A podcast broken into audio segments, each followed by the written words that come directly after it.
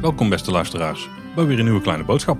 Ja, Paul. Welkom weer eh, bij mij thuis. Ja, zitten we weer Tim. Het begint echt weer vertrouwd te worden, de opnames. Ja, we beginnen eh, mooi in het schema te komen. Ja, precies. Alleen het schema gaat wel helemaal kapot geslagen worden dankzij vakanties weer die eraan komen. Ja, het wordt weer een drukke tijd. Eerst jij, daarna ik. Maar we, we doen weer ons best om, eh, ondanks alle vakanties, toch iedere week met minstens één aflevering te komen. Ja, en als we het over vakanties hebben, het zal de luisteraars niet ontgaan zijn, maar je zat niet in een paar van de laatste afleveringen. Ja, ik heb er inderdaad twee helaas moeten missen. Twee volgens mij best wel leuke afleveringen van ons, toch?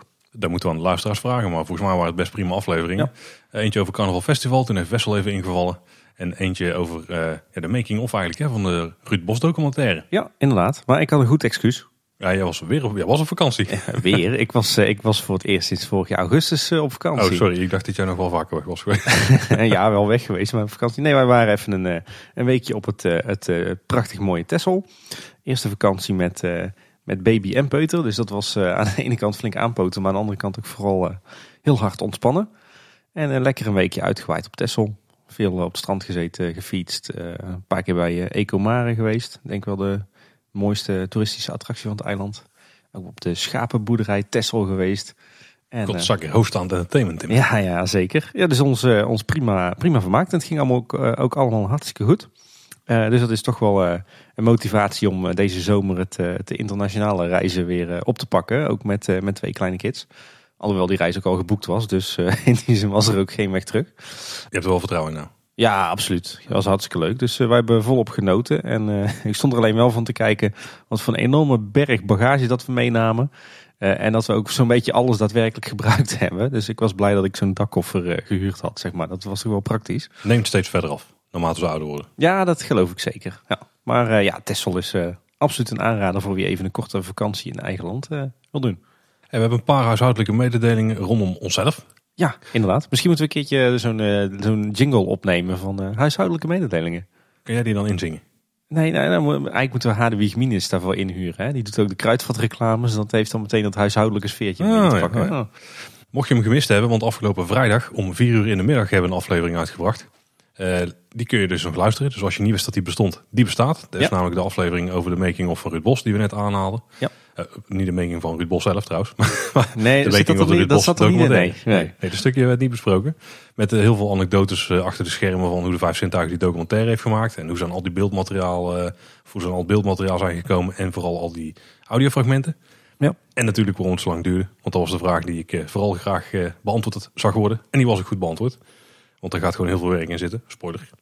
En wat ook nog eh, goed is voor iedereen om te weten... is dat er nog steeds tickets zijn voor Kleine Boodschap 100. Ja. Eh, meer dan twee derde van de plek is wel verkocht inmiddels. Ja, het wordt eh, een dolle boel daar in Bosrijk. Ja, dus eh, tickets kun je kopen op kleineboodschap.com slash 100. Die kosten 5 euro. Dus Ja. dat valt allemaal mee. Daarmee kunnen we de kosten een beetje dekken van de dag.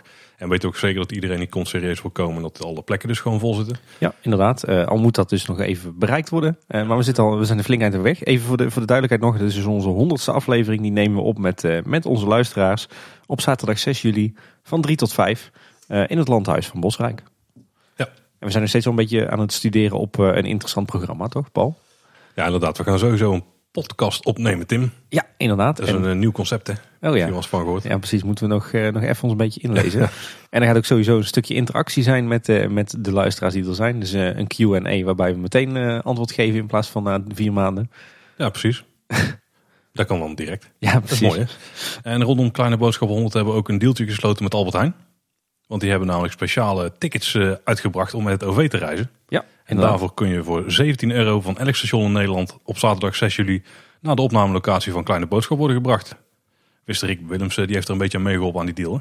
Dus, eh, dus inderdaad, als je nog een vervoerskwestie had, dan eh, is dat hartstikke makkelijk. We zullen de link eh, naar, in de show notes zetten, toch? Ja, zeker.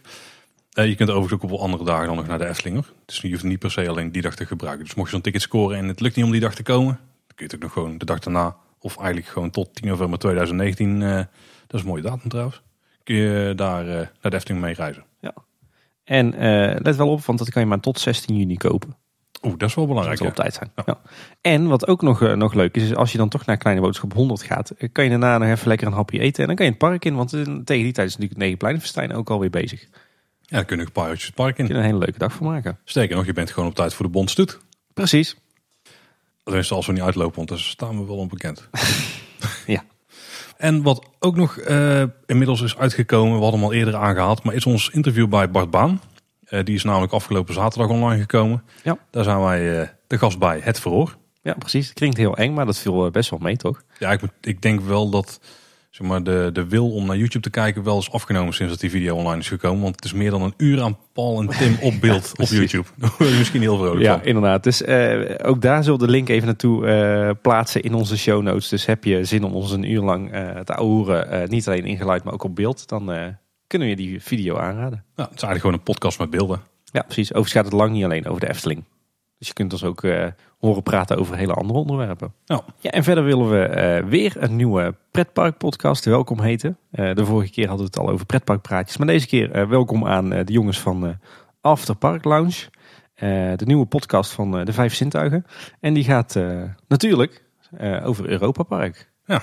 Ja, die wordt eh, gepresenteerd door Jafet en Marwin. En Marwin is natuurlijk meerdere keren bij ons te gast geweest al. Ja. Nog, de vorige aflevering zat hij in. Want eh, die heeft natuurlijk meegewerkt aan de documentaire. Want Marwin is van de Vijf Zintuigen. Die maken al heel veel video's over Europa Park. Maar ze wilden toch ook wel een keer iets met de podcast doen. En eh, dat was daar een mooi onderwerp voor hun. Ja, precies. En ze gaan er op sommige punten wel heel diep op in. Het is- Het is wel een beetje de, de kleine boodschap van Europa Park. Maar dan misschien met nog meer zorg. Ja, Tim. Kan dat? Ja. Man, nee, moet- eh, de, de eerste teaser die is beschikbaar, van een minuutje geloof ik. En vanaf 7 juni komen er eh, wekelijks nieuwe afleveringen. Ja.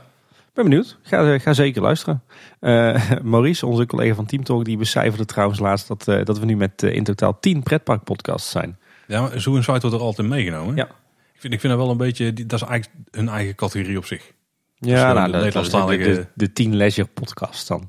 Ja, oké, zo zou je het kunnen noemen. Ja, ja. Introduceert overigens wel een nieuw probleem, want ik loop echt enorm achter nu op het eh, gebied van podcast luisteren.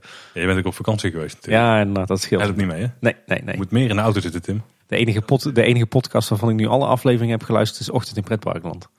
Ja, die is wel makkelijker bij te houden de laatste tijd. Ja. Dat is ook degene die bij mij bovenaan mijn lijstje staat, hoor, wat dat betreft dan. Ja, dat is de Prio eh, ja. Dat is bij mij ook. Eh, ja, dat waren denk ik wel een beetje de huishoudelijke mededelingen, toch? Ja. Nou ja, voordat we de onderwerpen induiken, ik wil, eh, wil ik nog wel even zeggen, ik ben... eh, Opening statement, eh, Tim. Ja, inderdaad. Ja, moeten we ook een categorie van maken. Nee, ik ben, sinds ik weer terug ben van Texel ben ik twee keer naar de Efteling geweest. En wat me opvalt is dat het park er echt prachtig bij ligt op dit moment. Eigenlijk zo goed als alle voorjaarsbloeiers die inmiddels wel waren uitgebloeid, die, die zijn eruit. Al het zomergoed zit er overal lekker vers in. En het valt me ook op dat heel veel van de onderhoudswerkzaamheden en renovaties en verbouwingen van de laatste tijd, die zijn eigenlijk zo goed als allemaal afgerond inmiddels. Het park ligt er eh, super strak en mooi bij. Nou, goed om te horen. Ja. En wat me wel opviel vandaag is dat er eh, dat heel veel bomen heel erg eh, slecht in hun blad staan. Dus ook de bomen binnen de Efteling hebben best wel veel te lijden van zeg maar de droogte in de natuur. Die nog steeds voortduurt. Ja. Dus dat doet wel een klein beetje pijn. Maar laten we hopen dat er niet te veel bomen doodgaan de komende tijd. Mag flink gaan regenen een paar keer. Ja, graag. En dan kun je onze tipsaflevering daar meteen over eh, meenemen. Ja, precies. Daar hebben we ook ooit nog eens een aflevering over gemaakt. Maar het ziet er niet naar uit dat het eh, heel erg hard gaat regenen de komende tijd. Dat zou alleen voor die, in ieder geval voor die bomen wel heel fijn zijn. Hey, zullen we meteen de hoofdonderwerpen induiken? Ja, we hebben geen follow-up deze keer hè? Of ja, Ja, die, hebben die die hebben we een beetje die- verstopt in de aflevering. St, st, komt vanzelf. Hè? Ja. Carnaval Festival is heropend. Daar hebben we natuurlijk al een volledige aflevering over gemaakt. Dat was die met Wessel. Die was er helaas niet bij, Tim. We hadden een kleine preview gekregen en eh, op basis daarvan die aflevering opgenomen. Ja, vond ik wel jammer. Alle leuke dingen die eh, gebeuren rond deze podcast, eh, dan ben ik er niet, ben ik weer eens op vakantie. Eh, nogmaals, jij was wel bij de oude Tuffers. hè? Ah, dat is waar. En toen, Ja, was ik, toen moest ik nog een weekje op wachten. ja dat is waar. Met- Wessel hebben die aflevering dus opgenomen. Maar daarna is wel nog veel gebeurd. En veel dingen zijn ook een beetje duidelijker geworden. Die we toen op dat moment nog niet wisten. En een paar van die defectjes die we noemden tijdens die aflevering. Die waren ook al met de opening gefixt. Ja. En maar een aantal andere dingen die gingen weer een beetje mis. Ja, er is het een en ander gebeurd de afgelopen dagen. Ja, een van de zaken die we toen in ieder geval bespraken is dat het niet eh, Jeroen Verrij was die eh, de stem had ingesproken van ja, de fanfareleider noemen we maar denk ik, of de orkestleider. Orkestleider, ja, zie ik overal voorbij komen. Het, is- een fanfare is toch niet per definitie een orkest of mag je dan nee, dan wel? klopt. Maar het is de- degene die, eh, die het aankondigt, die stopt volgens mij het orkest eh, dat Ah, normale is- eh, ja, deuntje maakt. En vervolgens komt de fanfare voorbij. Oké, nou in ieder geval de leider. Ja, Eh dat blijkt Robert Jaap Jansen te zijn. ja. Vond ik leuk om te lezen. En toen ik het las, toen dacht ik ook van, oh ja, tuurlijk. Toen viel er wel wat kwartjes hè. Dat is Robert Jaap, ja. Robert Jaap is toch denk ik wel een van de grote creatievelingen van de Efteling. Werkt ook al heel lang bij het park. Ooit begonnen als vakantiekracht geloof ik. Ehm, en hij is heel lang verantwoordelijk geweest voor eigenlijk al het grafische design. Eh, binnen de Efteling, maar hij ontwerpt ook onder meer het sprookje van vrouw Holle. Maar hij deed uit, eh, bijvoorbeeld ook de art, eh, was de art director van Caro. Hè? Ja, en bij Pinocchio heeft hij het design ook gedaan. Ja, dus ik denk dat heel veel uitingen van de Efteling de afgelopen decennia van zijn hand waren. En hij heeft ook redelijk wat ingesproken her en der in de Efteling. Ja, mocht je dus zijn stem een beetje willen plaatsen, dan kun je ook onze aflevering over de Caro première luisteren, want daarin hebben we een interview met hem. Ja, dat spreken we uitgebreid met Robert Jaap. En hij heeft bijvoorbeeld ook eh, de stem ingesproken van de dieren bij de Sprookjesboom. Ja, en hij heeft natuurlijk ook eh, vrouw Holle het sprookje ingesproken. Of in ieder geval, ja, vrouw Holle zelf. Serieus? Ja. Zal ik het laten sneeuwen? Ja, dat is Robert Jaap. Oh, oké. Maar is in ieder geval dat, eh, dat mysterie ook weer opgehelderd. Ja. Wat we net al zeiden, dus de eerste dagen toen waren wel wat kinderziektes. Dus niet heel vreemd hè, bij een attractie die nu open gaat. Nee. Overigens vond ik dus dat tijdens die, eh, die preview die wij kregen, liep het allemaal heel soepel. En alles werkte gewoon en alle showverlichting stond gewoon goed. Mhm. Eh, maar bijvoorbeeld een ding wat een paar mensen was opgevallen, is dat de werkverlichting leek aan te staan in een paar scènes. Mhm. Dus wit eh, wel leds overigens, dus wel lekker energiezuinig. Eh, vooral bij België viel het heel erg op, want dat scheen namelijk ook weer via de spiegel terug in je gezicht. maar ook Duitsland was een stuk eh, witter uitgelicht zeg maar, dan eh, tijdens de preview. En dat is dus ook wat je in de video die de Efteling zelf had uitgebracht, er stond die werkverlichting dus uit.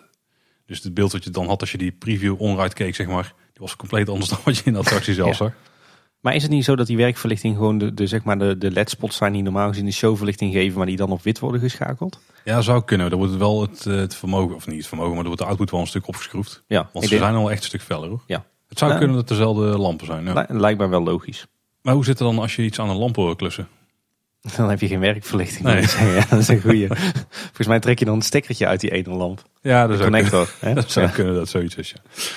Ja, maar wat- ook wel jammer was, is dat die fanfare, wat toch wel een beetje ja, als hoogtepunt door ons werd gekenmerkt. Ik weet niet of jij het ook zo hebt ervaren. Heb je de fanfare Ja, ja, meegemaakt ja, ik heb de Ja. van fanfare zelf al meegemaakt, ja. Dat die dus volgens mij na anderhalve dag eruit leek te liggen. Voor ook weer anderhalve dag ongeveer. Volgens mij is de attractie geopend op donderdag.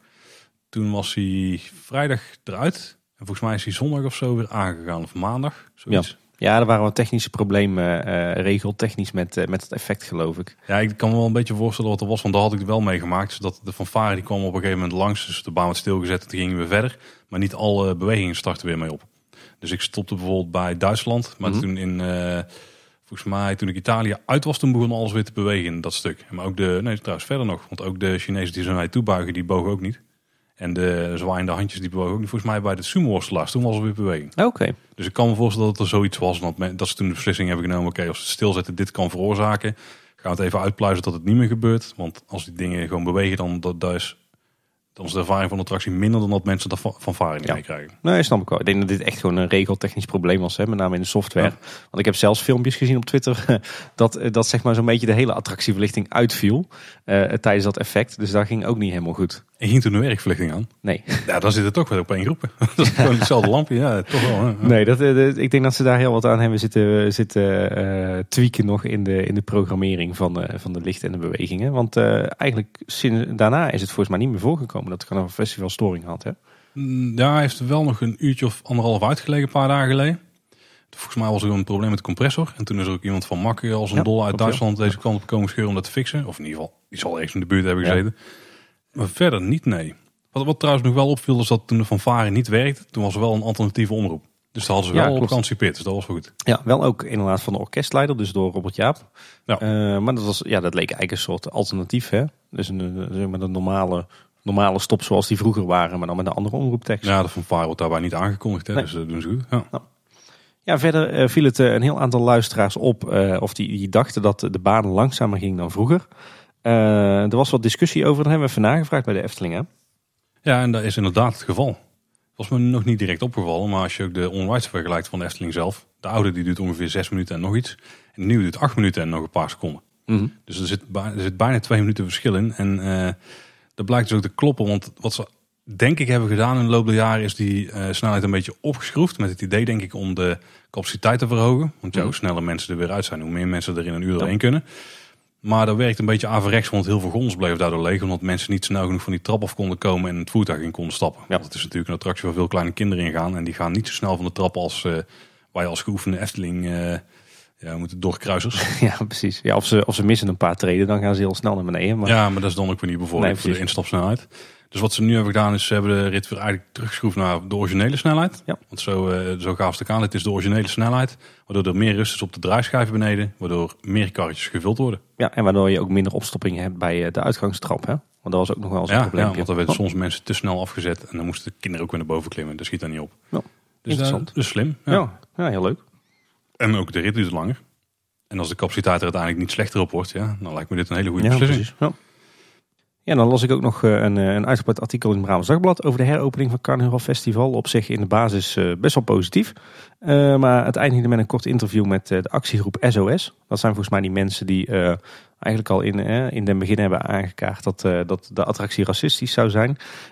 En die geven eigenlijk aan nog steeds niet tevreden te zijn met de aanpassingen. Ja, nou, met de aanpassingen zelf, daar heb ik ze eigenlijk helemaal niks over horen Nee, zeggen. klopt, daar ging het inhoudelijk niet echt over. Het ging ze er meer over om de wijze waarop de Efteling dit communiceert. Ja. En de Efteling die, die, geeft, die zegt eigenlijk van ja, dit is gewoon onderdeel van groot onderhoud. En het hebben we nu meegenomen zonder dat ze echt zeggen van nou, we vonden dit inderdaad eh, ongewenste stereotypering of racistisch. Nou, En daarom hebben we het nu verholpen. ze, ze zeggen het niet letterlijk, maar ze zeggen wel, we brengen het meer naar deze tijd. Ja, en eigenlijk omdat de Efteling, eigenlijk omdat de Efteling er bewust zo een beetje omheen draait, om het maar niet eh, racistisch te noemen, daar, daar is die actiegroep eigenlijk niet blij mee. Eh, plus bovendien zijn ze er ook niet blij mee dat er niks met Monsieur Cannibal is gebeurd. Nou, vind, vond ik dat ook een beetje een rare. Want ik bedoel, het feit dat het Carnaval Festival nu groot onderhoud heeft gehad, wil niet zeggen dat dan daar Monsieur Cannibal ook in wordt meegenomen. Eh, ik denk wel degelijk dat daar ook plannen voor zijn in dezelfde lijn. Aangezien dat eigenlijk een, die pop daar nog een, eh, een veel groter probleem is voor heel veel eh, buitenlandse gasten. Dus dat zie ik er ook nog wel ergens van komen de komende drie tot vijf jaar. Eh, maar dat gaven zij ook aan als probleem. En ze geven ook aan dat ze daarom dus eh vervolgacties voorbereiden richting de Efteling. Ja, wel een beetje goede koop van ze. Uiteindelijk is het, het grootste doel is bereikt, tenminste op het gebied van één attractie. Zorgen dat je altijd nog iets te zeuren hebt. Ja, ja, dat is waar. Ik denk dat het, maar daar zullen- moeten we het zo nog even, moeten we het zo nog even over hebben. Ik denk dat inderdaad dat, dat de eh, racistische stereotyperingen, dat die inderdaad voor een deel uit attractie zijn, voor een groot deel. Ik snap ze ergens wel dat ze zeggen van ja, joh, weet je Efteling, waarom zeg je nou niet gewoon waar het op staat? Waarom draai je nou zo om de hete brei heen? Waarom zeg je nou niet, wij hebben die attractie in de jaren tachtig met de, de beste wil van de wereld gebouwd. Eh, in de loop der jaren kwamen we erachter dat een aantal van die stereotypes eh, racistisch waren. Nou, daar hebben we veel kritiek op gehad. Daar hebben we naar geluisterd en we hebben besloten dat aan te pakken. Eh, en we hebben het weer naar de, de geest van deze tijd gebracht. maar Had dat dan gewoon gezegd? Ja, maar dat- dan waren ze nog steeds niet tevreden. Want Nee, de Efteling moet schuld bekennen. Dat ze kinderen hebben geïndoctrineerd. Ja, dat, is- dat dat is echt dat de, is de term in, ja. hoe ze stellen. Dat is een beetje bullshit natuurlijk. Maar Nee, maar dat bedoel ik. ja, nee, ja. Maar ik, ik kan me best wel voorstellen dat, dat je zegt van joh, eh, een beetje, ja, dat je als Efteling zegt van nou, we vinden het vervelend dat, we, dat die eh, stereotyperingen in die attractie heeft gezeten gedurende die tijd. En daarom hebben we het nu aangepast. Ja, maar die actiegroep die begon omdat het weg moest. Ja. Dat is nu het geval. Ja, ja, klopt. En in die zin hebben ze daar, eh, wat betreft het Carnaval Festival, in ieder geval grotendeels wel zin gekregen. Ja. Eh, Ze hebben wel gelijk dat het bij Monsieur Cannibal nog niet goed is. Nee, maar ik, zeg, ik, ik, vind, ik geef het eh, ik vind een vrij grote kans, denk ik, dat we daar de komende jaren ook nog aanpassingen Ja, binnen twee jaar denk ik dat er wel Ja. iets gaat gebeuren. Ja. Areno stuurde nog een berichtje naar ons dat wij ons afvroegen of dat de Apencarnaval Festival nu twee dezelfde voet had. Want eerst waren het twee verschillende eh, uitstralingen voet, zeg maar. Mhm. En we dachten eigenlijk dat één voet weg was. Dat was in ieder geval wat er toen al was, ons was opgevallen na een paar rondjes. En dat daar een vogel voor in de plaats zat. Maar er zit wel degelijk een voet. En die is inderdaad eh, hetzelfde als de voet aan de andere kant. Oké, Dus hij heeft twee voeten. En die kloppen. Ja. Dus het is helemaal Mooi. gefixt. Ja. Ja. Jij bent er inmiddels ook in geweest, Tim. Je hebt je zeg je niet kunnen doen in onze aflevering erover. Maar zijn er nog dingen die jou zijn opgevallen? Of dingen die wij zijn vergeten te melden, maar die jij nog eh, links en rechts hebt gespot? Ja, wat, wat, kleine dingetjes in de basis hebben we natuurlijk veel al wel behandeld. Wat, wat mij sowieso als eerste opviel, en daar is eigenlijk nog niet zo bewust over, over gegaan, is dat mij opviel dat, dat de attractie in, in aansturing nu wel een heel stuk multifunctioneler, flexibeler is geworden. Kijk, vroeger was het volgens mij zo dat in Carnaval Festival, eh, of vroeger, voorheen was het zo, dat de show, dus de bewegingen, die stonden aan of uit. En door meer mogelijkheden waren er niet. De show deed wat hij moest doen en of hij stond uit. En dat gold in feite ook voor de verlichting. hè. Je had de, de spots en ehm, die zaten allemaal in de stopcontact in de muur en die stonden aan of uit. Ja, er waren wel een paar met dimmers hoor. Die, ja, eh, oké, maar effect eh, zeker bij die sneeuwpopjes en zo. Ehm, maar nu is er stiekem, eh, ja, is daar best wel verandering in gekomen. Zonder dat denk ik dat mensen daar, zich daar bewust van zijn. Maar wat je ziet tijdens dat fanfare-effect, is dat heel veel van de bewegingen nu eh, eigenlijk gewoon los kunnen worden aangestuurd volgens een programma vanuit de showcontroller. Ehm, en dat geldt natuurlijk ook voor alle LED-verlichting. Die eh, eigenlijk gewoon, eh, waar, waar ze gewoon nu een volledige vrijheid in hebben qua kleur, qua dimmen, qua effecten. Ehm, dus eigenlijk van een hele statische attractie die aan of uit stond, is er nu, hebben we hier nu een show die zowel qua bewegingen als qua licht echt gewoon volledig vrij te besturen valt. En dat is functioneel gezien echt wel een enorme vooruitgang natuurlijk. Ik bedenk nu dat het ook wel de mogelijkheid geeft om misschien iets meer te doen met de winter. Om dan iets winters te maken in het algeheel met een andere lichtplan qua kleuren. En misschien met de muziek een beetje aanpassen. Ja. Nou ja, technisch gezien kan het nu dus zeker. Ja. Oh. Dus dat, dat viel mij sowieso op. Daar, daar is het eigenlijk nergens over gegaan, viel mij op. Eh, ja, en verder eh, vroeg ik mij af dat een aantal uh, beweging, motortjes van bewegingen van, van poppen wellicht vervangen zijn. Ik heb het idee dat bijvoorbeeld alle danspaardjes in alle scènes toch op een andere Ja. manier draaien dan voorheen. Nee, dat moet ook bijna wel, want die kunnen dus ook de andere kant op draaien. Ja, En dat kan natuurlijk niet met de motors die er vroeger in zaten, want die gingen gewoon maar één kant op. Ja. Of waarschijnlijk gingen die random een kant op, afhankelijk van het moment waar je de stekker in stop kon duwen. Ja. Maar Dus nu is het daar aan te sturen, dus ja, dat is Dat anders. hè. dat viel me op. Eh, nou goed, de aandrijving van de baan is ook vernieuwd. Hè. Eh, dat, voor mijn gevoel draait hij ook soepeler.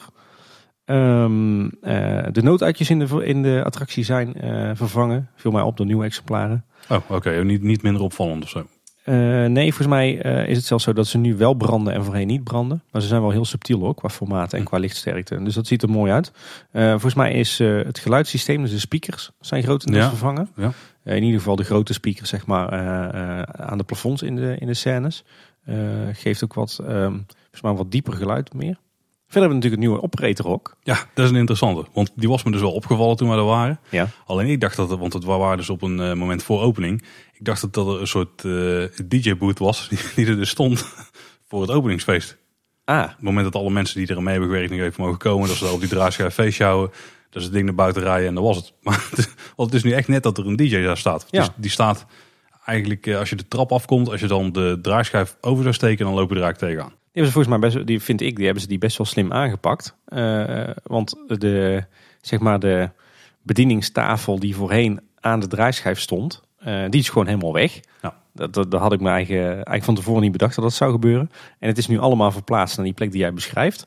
Ehm, en eh, dat wandje hebben ze helemaal zwart geverfd, dus het valt eigenlijk totaal niet op. Alleen Ja, steekt, zelfs met doeken volgens mij. Oké, dan steekt, en volgens mij zit de operator zit nu op een, eh, op een hoge kruk. Die kan er Ja. net overheen kijken om zicht te houden op de draaischijf. Eh, maar die zit eigenlijk heel mooi verstopt. En die kan daar dus mooi alle schermen in de gaten houden en de attractie bedienen. Zonder dat de mensen die op de draaischijf staan, dat die er echt door gehinderd worden. Die moesten vroeger natuurlijk en de attractie bedienen en de mensen in de karretjes helpen. We zouden nu ook een extra personeelslid staan. Ehm, Ik denk het wel. Want, ja, ik denk het ook, ja. want er was dus natuurlijk niemand die de schermpjes in de gaten hoefde te houden. Want ja, Nee. bedieningspaneel deed eerder niet veel meer dan de attractie stilzetten Nee, als er mensen moesten stappen. Dus ik vind het wel goed dat ze die functies nu ook gesplitst hebben. Ik dacht eerst dat het echt een DJ-boot was voor eh, het feestje. Is het operator ook? is een teken dat die goed is weggewerkt dan, hè? Eh, het viel me op dat volgens mij de, de plafonds een beetje zijn opgeschoond. Dat alle, alle installatiedelen en kabelgoten en leidingen die geen functie meer hebben, dat ze die hebben weggehaald. Want het zag er eh, allemaal strak uit. Maar aan de andere kant viel me wel op dat lang niet alle decors in de attractie zijn opgeknapt. Eh, je kunt bijvoorbeeld wel zien dat eh, bijvoorbeeld eh, de Frankrijk scène, die is wel echt mooi opgeschilderd en helemaal opgeknapt. Alhoewel die nieuwe neonverlichting al eh, liep te knipperen. Dus dat, Ja, die van de draaien, of van Ja. de, van de wieken vooral. ja, Ik denk dat er komt dat er sleepcontactjes zitten en dat die gewoon af en toe net niet goed contact maken. En dat die neon nog niet voldoende power krijgt om continu aan te blijven. Kijk, de oplossingen wordt meteen al aangedragen hier. Nou, de oplossing weet ik niet, maar dat is denk ik wel het issue. Maar het viel mij wel op dat een aantal decors dat die eh, vies of een, beetje versleten waren. Met name in China, dat decor bij de grote draak. Eh, maar ook eh, zeg maar het poolgebied, dat witte decor. Dat was altijd vrij versleten, daar is niks aan gebeurd. Dat hebben ze zo gehouden. Eh, en het viel me ook op dat boven de decors heb je ook bij de afscheiding tussen de scènes zitten van die isolatiepanelen. En die zijn ook lang niet altijd meer eh, netjes eh, zwart geschilderd. En ook daar is niks mee gebeurd. Dus dat viel me, verbaasde mij wel dat dat niet gelijk is meegenomen. En mijn grootste issue bij Carnival Festival, tenminste dat, was het eerste waar ik echt goed op zat te letten, de eerste rondje wat ik deed, is of dat ze nu bij de toren van Pisa, Mhm. dat ze die eh, rand onderin hadden afgewerkt. Want dat is gewoon zo'n afgezaagde rand waar je Ja. gewoon het multiplex ziet zitten, zeg maar. Ja. En dat was nog steeds gewoon precies hetzelfde. Ook met een slecht, slecht gezaagd, niet helemaal rond. dus helaas, dat hebben ze niet gefixt. Nee. Al was het maar zwart geschilderd, weet je wel. Ja, precies. Ik snap je bedoelt. Maar dat, dat, was, dus, ja, dat was ook mijn gevoel bij het decor van, van zeker van China. Dat is gewoon een... Ja, dat ziet er gewoon niet zo netjes meer uit. En, Ja, poppen vervangen, allemaal Ja. lampje erop. Ja. Het ziet er wel anders uit. Nee, je, je hebt wel gelijk. Ja. Ja. Wat me ook opviel, maar ik weet niet of, je, eh, of, dat, eh, of dat je daar wel of niet over hebben gehad, is met die, eh, dat effect zeg maar als die fanfare langskomt. dat op het moment dat er wordt geroepen van de baan gaat weer verder rijden, dat er een soort van in de, in de muziekmix, dat er ook een soort van mechanisch geluid meekomt, waardoor het lijkt alsof die de, de grondels echt opstarten, zeg maar. Ja. Was ons wel opgevallen, maar we hebben het niet over gehad inderdaad naar de rand. Dat vond ik wel een super tof detail, moet ik zeggen. Eh, verder viel me ook op dat, eh, dat de compressor, zeg maar, die meerijdt tussen de grondels, dat die echt volledig vernieuwd is nu. Er in het, die heeft al een keer een, eh, een nieuw stiller eh, binnenwerk gekregen, maar nu was echt de hele eh, bak volledig vernieuwd. Oh, Oké, dat is niet Ook opgevallen. de buitenkant. Is hij ook veel stiller? Die, ja, die maakt nog minder geluid dan de vorige. Oké, goed zo. Ziet er eh, super strak uit. Viel mij ook op dat, eh, dat de baan eh, nu kan vertragen en versnellen. Oh. Geen idee waarom, maar hij, eh, we hebben een stukje eh, gehad in de baan eh, toen we erin zaten, waarin dat die ineens vertraagde. Dat Misschien is, dat, eh, misschien is dat, volgens mij heb je dat ook bij de Fata Morgana tegenwoordig. Als dan mensen net niet op tijd zijn met instappen, dan vertragen ze hem even. En daarna zetten ze hem weer sneller. Oké, Viel mij op. Ja, en verder viel me, viel me ook op dat dus inderdaad een heleboel poppen eh, opnieuw geschilderd zijn. In, in een wat mattere verf, maar wel met veel rijkere kleuren. vind je ervan?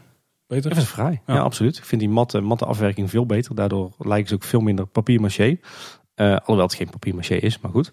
Vind ik goed, vind ik goed geslaagd. En ik heb het idee, de, de indruk dat de afweging die is gemaakt, dat ze de prominente poppen die op de voorgrond staan, dat, dat ze die wel hebben meegenomen. En dat de poppen die wat meer op de achtergrond staan, niet zijn meegenomen. Ja, eens kunnen kloppen, ja. Maar dat vind ik bijzonder fraai. Die zijn er echt wel van, eh, van opgeknapt. En een laatste kleinigheidje wat me ook nog opviel, is dat er eh, op het dak, dat er dus de dakbedekking is overlaagd. En dat ze nu ook van die dakveiligheidsvoorzieningen hebben aangebracht. Ze hebben dus wel aan de dag gedaan. Ja, Ramon. En wat vind je nu van het, het totaal? Ja, ik moet zeggen dat ik over het algemeen wel heel erg eh, blij ben. Eh, wat ik een grote verbetering vind is, is de verlichting. Je merkt sowieso als je in die attractie zit dat er een veel fijner binnenklimaat is. hè. Het is veel koeler en het voelt ook minder bedond op de een of andere manier. Heel fijn. Ik vind de kleuren vind ik, ontzettend mooi gedaan. Veel rijker dan de oude kleuren. Alhoewel ik wel moet zeggen dat me opvalt met LED dat het wel veel harder is, die kleuren. Dat vind ik bij, bij Carnaval Festival kan dat prima. Is dat misschien juist een pre.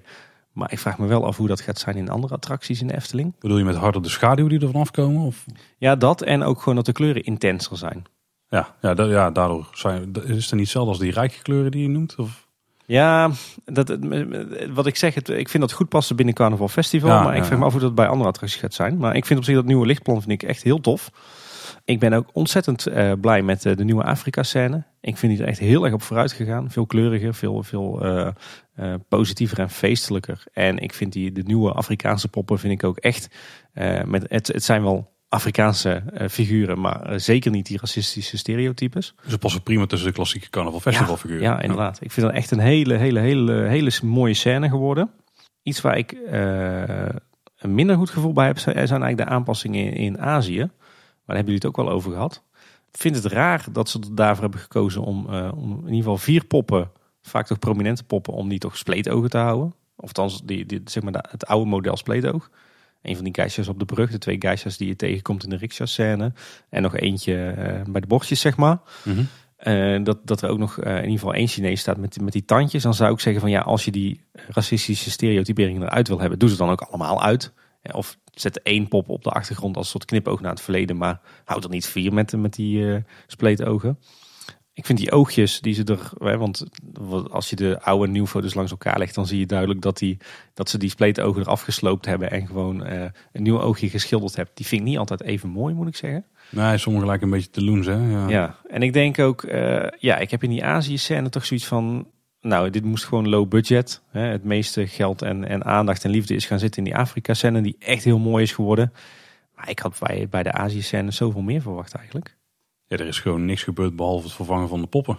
Ja, nog niet eens van de poppen. Ik denk dat die gewoon aangepast zijn. Die zijn niet vervangen. Ja, ja, ja, ja, ja, ja. Behalve dan die vier die daar eh, die flitsfoto's maken natuurlijk. En dan, weet je, we hebben van tevoren hebben we natuurlijk volop over gefantaseerd. En dat is misschien ook wel ons, eh, ons manco. over eh, eh, meer feesten in China. de, draken spelen, schimmen spelen. vuurwerk misschien geprojecteerd op de Projecties. oh, ja, precies. Oh, ja. Ja, dat is het allemaal niet. Kan nog steeds. Ja, misschien over 15 jaar. Maar ja, dat vind ik een beetje jammer. Maar het is met name dat ik het raar vind dat ze dan een aantal van die spleetogen erin hebben laten zitten. Ja, goed, dat, dat hele fanfare effect, dat is natuurlijk super tof. Echt heel gaaf dat ze het hebben gedaan. Om dat dode moment in die show, en normaal gesproken, om daar echt ook thematisch een invulling aan te geven. Heel tof. Maar ook heel veel kleine dingetjes die leuk zijn. Hè? Net als dat, dat, dat geluid van die, die sluiter van de, de, de actiefotocamera, wat nou is toegevoegd. Heel, heel klein, maar heel tof. Um, die feestverlichting in die laatste hal.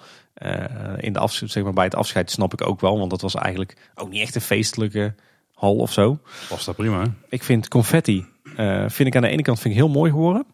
Super tof wat ze daar voor elkaar hebben gekregen in wat een hele kleine ruimte leek, maar wat nu echt als een volwaardige winkel voelt. Ja, best groot hè? Ja, ja voor je gevoel uh, ineens is die veel groter. Ik vind het ook echt mooi gedaan qua kleurgebruik en qua decor en qua aanbod. Ik heb wel een beetje zo'n dubbel gevoel van het is echt wel exit through the gift shop, weet je wel.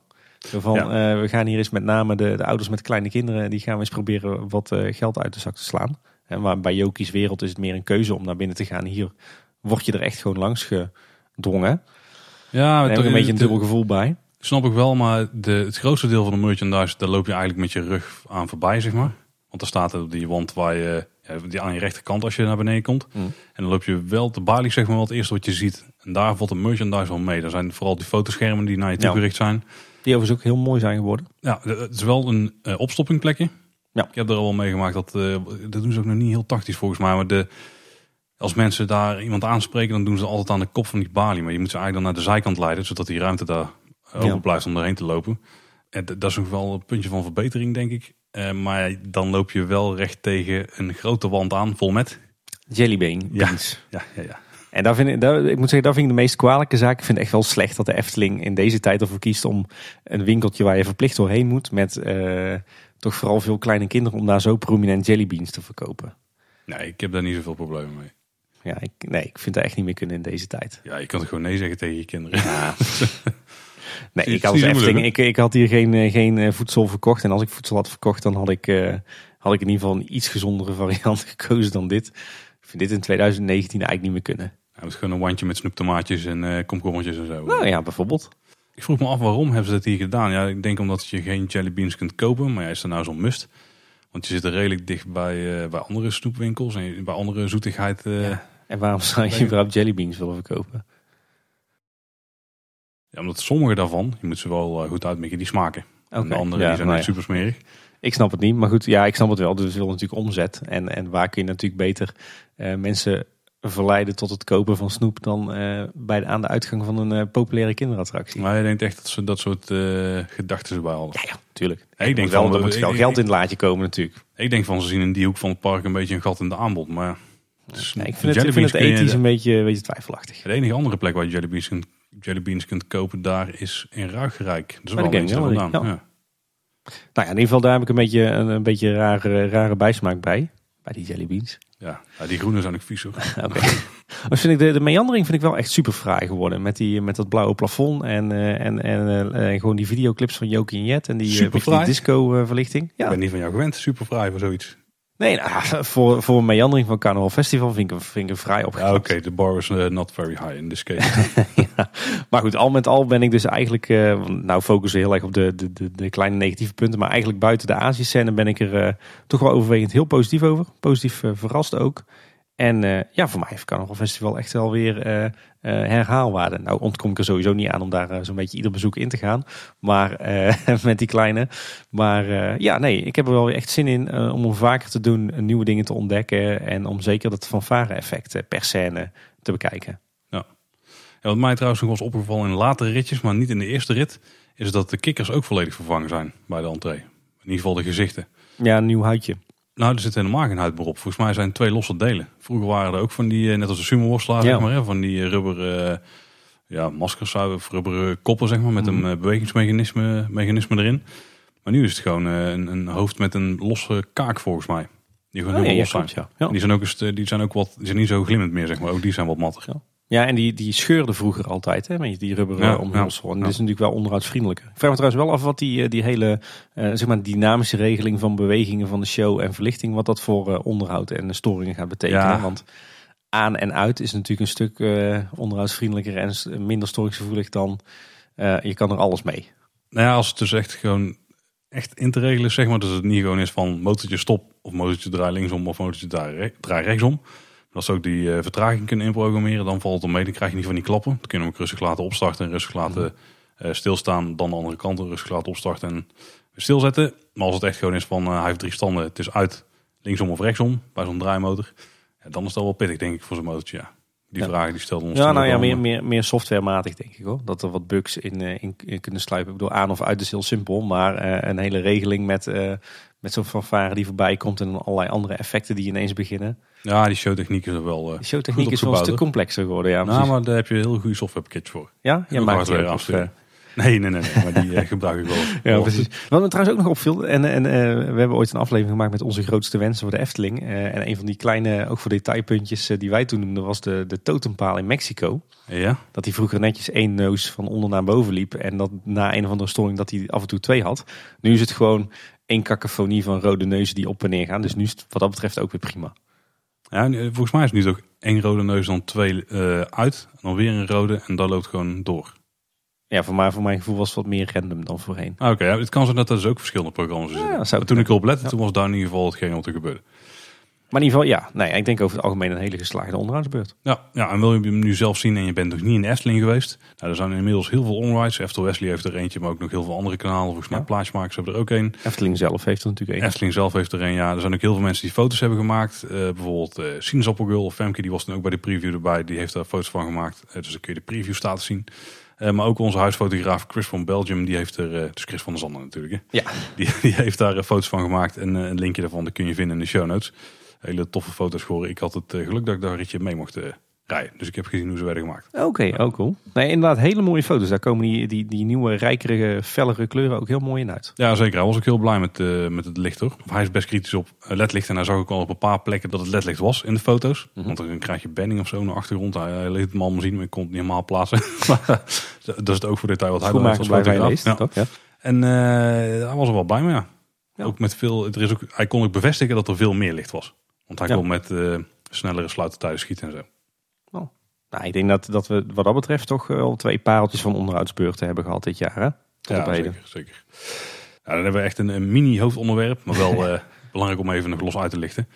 De Efteling die heeft de omgevingsvergunning aangevraagd voor Max en Moritz op 22 mei. Inmiddels eh, al, eh, al eh, anderhalve week geleden. Maar er heeft nog niemand bouwtekeningen opgeduikeld bij onze gemeente. Ja, ik denk ook dat ze niet zo heel interessant zijn, want volgens mij heeft het baanverloop daar niet op te staan. Tenzij ze grotere bouwsels gaan maken die langs de baan nog staan. Daar hoeft, eh nee, daar hoeft volgens mij inderdaad de baan zelf niet op te staan. Het enige wat we daar wellicht op zien zijn de, de, de poeren eh, die ze wellicht moeten maken. Dus bouwkundige constructieve voorzieningen. Voor de pilaren? Of, Ja, ja, voor de, voor de kolommen van de baan, zeg maar. De voeters. Ja, die staan op, bij, bij de bron stonden die er ook Oh, nog, oké. volgens mij. En eh, sowieso eh, de verbouwing aan het stationsgebouw. Ja, mochten ze die groter of langer maken, want dat moet ook bijna wel. Ja, als je die, die eerste impressietekening zag wel. Dus potentieel heel interessant. Maar ja, niemand heeft die tekening nog gezien of bekeken of te zien gekregen.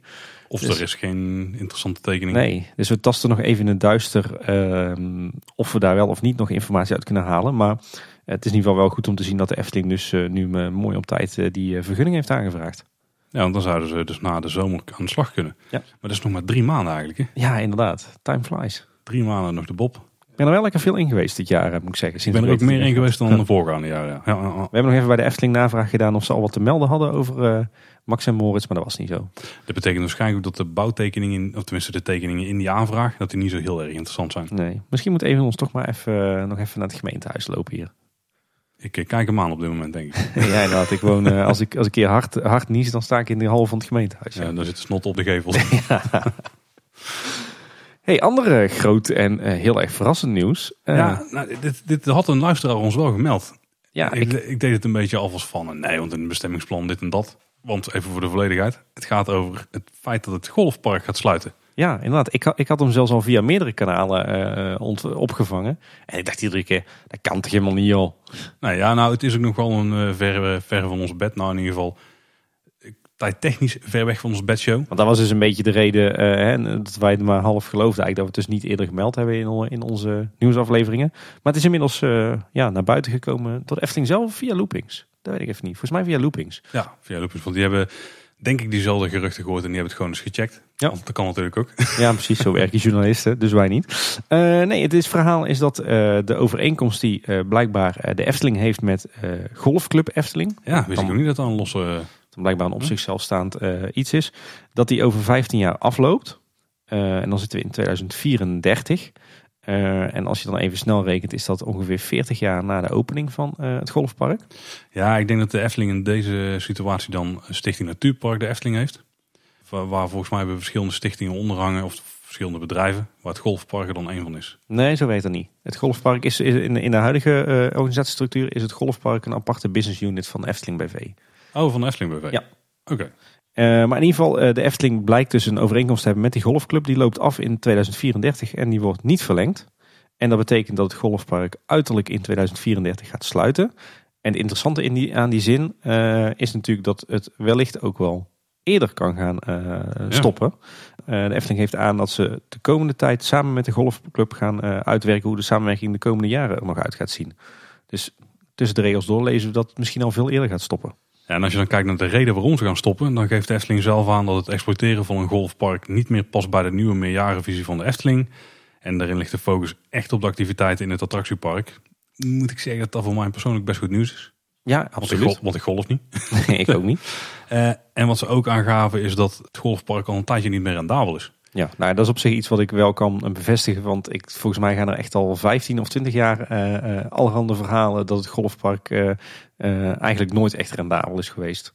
Ja, ze zeggen even ook nog aan dat landelijk er niet heel veel groei meer zit in de golfsport. Ik vind het om een paar redenen, mm, bevind- vond ik dit verrassend en vreemd nieuws. Eh, het eerste is, het gaat over een periode van 15 jaar waarin het golfpark er in the- theorie nog kan zijn. Er kan er best veel gebeuren.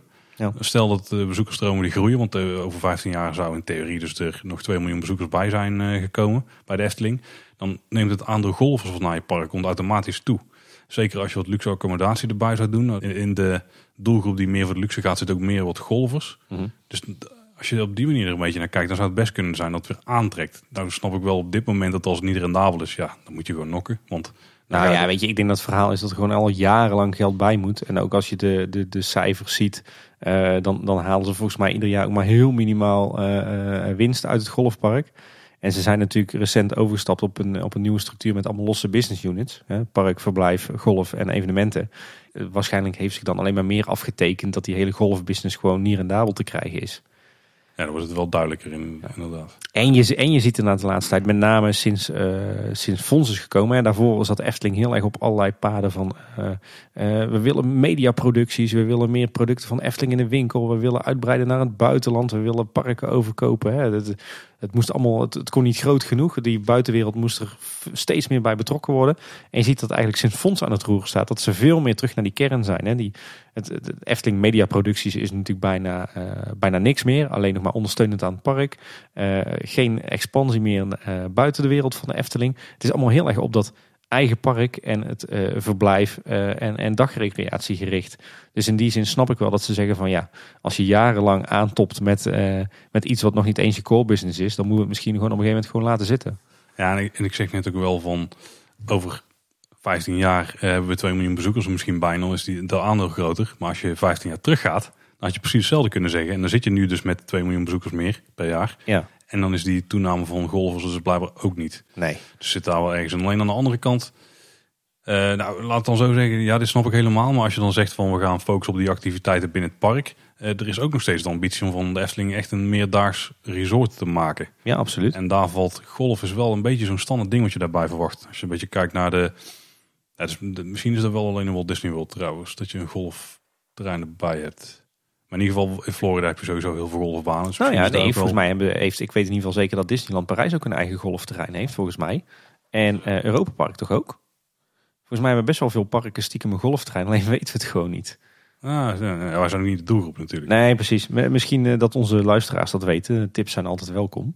Eh, maar ik heb het altijd een beetje een vreemde eend in de bijt gevonden. Hoor. Ik heb nooit gesnapt waarom een, een pretpark een golfpark erbij zou nemen. En in combinatie met verblijfsaccommodaties snap ik dat wel. Want je hebt wel echt van die mensen die reizen gewoon rond langs golfbaan. En die zoeken gewoon leuke dingen uit. Alleen dan moet je wel een beetje een naam hebben. Ja, dan moet je als pretpark eigenlijk ver Misschien had de. Efteling dat niet. Ik, ik denk eerlijk gezegd dat het destijds gewoon een spelen dingetje was van de, de directie toen tijd. Ik, ik denk dat ze iets te veel misschien hebben gekeken bij Walt Disney World en wat daar allemaal lag. Ja. Dus we moeten blij zijn dat we geen racebaan hebben ge- gekregen en geen sportcomplex. Nou ja, weet ik niet. Als je in de historie van de Efteling kijkt, was een sportcomplex misschien wel ja. weer meer kans. Ja, we hebben wel een wielerbaan gehad, maar gemotoriseerde. Ja. nee, ik denk eerlijk gezegd, ik, ik, ik, kom best wel vaak langs het golfpark. Uh, uh, met de fiets, met de auto. En het is ook wel al jaren een suffe bedoeling hoor. Ja, maar dat is hoe meeste golfbanen erbij liggen. Dan moet het niet heel druk zijn. Ja, Huizen Avondrood is wat dat betreft nog dynamischer, zeg maar. Nou, volgens mij was de Efteling niet heel duur qua golfbaan. Dus de lidmaatschap is gewoon best prijzig. En dit was een best betaalbare baan. Zal ook wel de reden zijn dat die prijs ooit daar beneden is gegaan. Omdat het aantal leden tegenviel. Ja. Kijk, ik, ik, ik, ik vind het een hele gewaagde beslissing. Hè, want uh, er, er verdwijnt uh, ineens een invulling van maar liefst 95 hectare terrein. Uh, en het is, ja, is het kapitaalvernietiging. Nou ja, na 40 jaar kan je je eigen dat afvragen natuurlijk. Ik vind het wel een gewaagde beslissing. Best een heftige beslissing. Maar ik snap hem heel goed. En ik vind het eigenlijk een hele slimme beslissing. Ik vind het daarmee ook geen gewaagde beslissing, want het is gewoon niet rendabel. Ja, nou ja, het is best, wel heftig om, om, om toch eh, een, een, belangrijke vorm van recreatie op je terrein, in ieder geval in oppervlak, om daar zomaar van te zeggen van nou daar kappen we mee. Ja, maar ze hebben toch ook gewoon heel veel natuurgebied. Als je het gewoon grasvelden laat dan, uh, en je maait het af en toe, dan is dat best een prima natuurgebiedje nog steeds. Ja. ja, ik, zie, ik snap het wel. Het is gewoon niet rendabel. Uh, je, je bedient er maar een heel klein deel van je doelgroep mee. En het is niet essentieel voor je kernactiviteiten. Ja. afstoten. Ja, inderdaad. Of niet afstoten, nee, is gewoon opdoeken. Kappen, ja. Wat het dan wel gelijk interessant maakt, want de laatste dagen zagen we best wel een, eh, een hele uh, een hoop armchair imagineering, zo gezegd, op ja. uh, een liefhebbers zien ontstaan van wat, wat er dan allemaal wel niet mogelijk is op die plekken. Een uitreiken, een tweede pretpark, een, een zwemparadijs. Nou, we zullen even heel veel dromen in één keer plat slaan. Gewoon afschieten, ja. Op de, de middellange termijn gaat daar niks gebeuren. Nee, nee. Nou, ik denk op de lange termijn dat we de, de verwachtingen ook heel erg moeten temperen. In theorie, als je in ieder geval kijkt naar de wereld van Efteling 2030, dan uh, zijn er geen wijzigingen voor dit gebied opgenomen. Ja, één heel klein stukje uh, zou gebruikt kunnen worden voor uitbreiding van volgens mij Bosrijk. Misschien het Loonse Land. Daar zijn wel wat stukjes voor een beetje. Er was, er was opgenomen inderdaad om ook verblijfsrecreatie uh, te gaan uitbreiden op, de, op het terrein wat nu een golfterrein is. En dan zou elders zou, zou het golfterrein weer worden uitgebreid. Ja, en één, in één hoekje van het golfterrein er was volgens mij wel expliciet genoemd dat daar accommodaties zouden kunnen komen ter ondersteuning van het golfterrein. dus meer, ik stel me ervoor dat bijvoorbeeld een paar villa's of zo. Ja. Die dan uh, vooral gericht zijn op mensen die ook komen golven. Ja. Uh, wat daar dan de plannen horen weet ik niet. Maar er was echt één strook, uh, een beetje in de buurt van waar ze die camperplaats willen maken. Ja, precies. En ja, daar staat een bestemmingsplan. Dus dat kan nog steeds tijdens gaat gebeuren. Maar, ja. Nou ja, kijk, daar, daar moeten we inderdaad even naar kijken. Als we kijken naar het huidige bestemmingsplan, maar ook naar het bestemmingsplan voor de komende uh, tig jaar. En de wereld van Efteling 2030. Uh, dan zie je eigenlijk dat het een, eh, een, een, een mengelmoes is, dat golfterrein, uh, van de bestemming recreatie sport en de bestemming natuur. Uh, en dat is iets dat las ik niet terug in het, uh, in het uh, artikel van Loopings, maar dat is wel even een essentiële.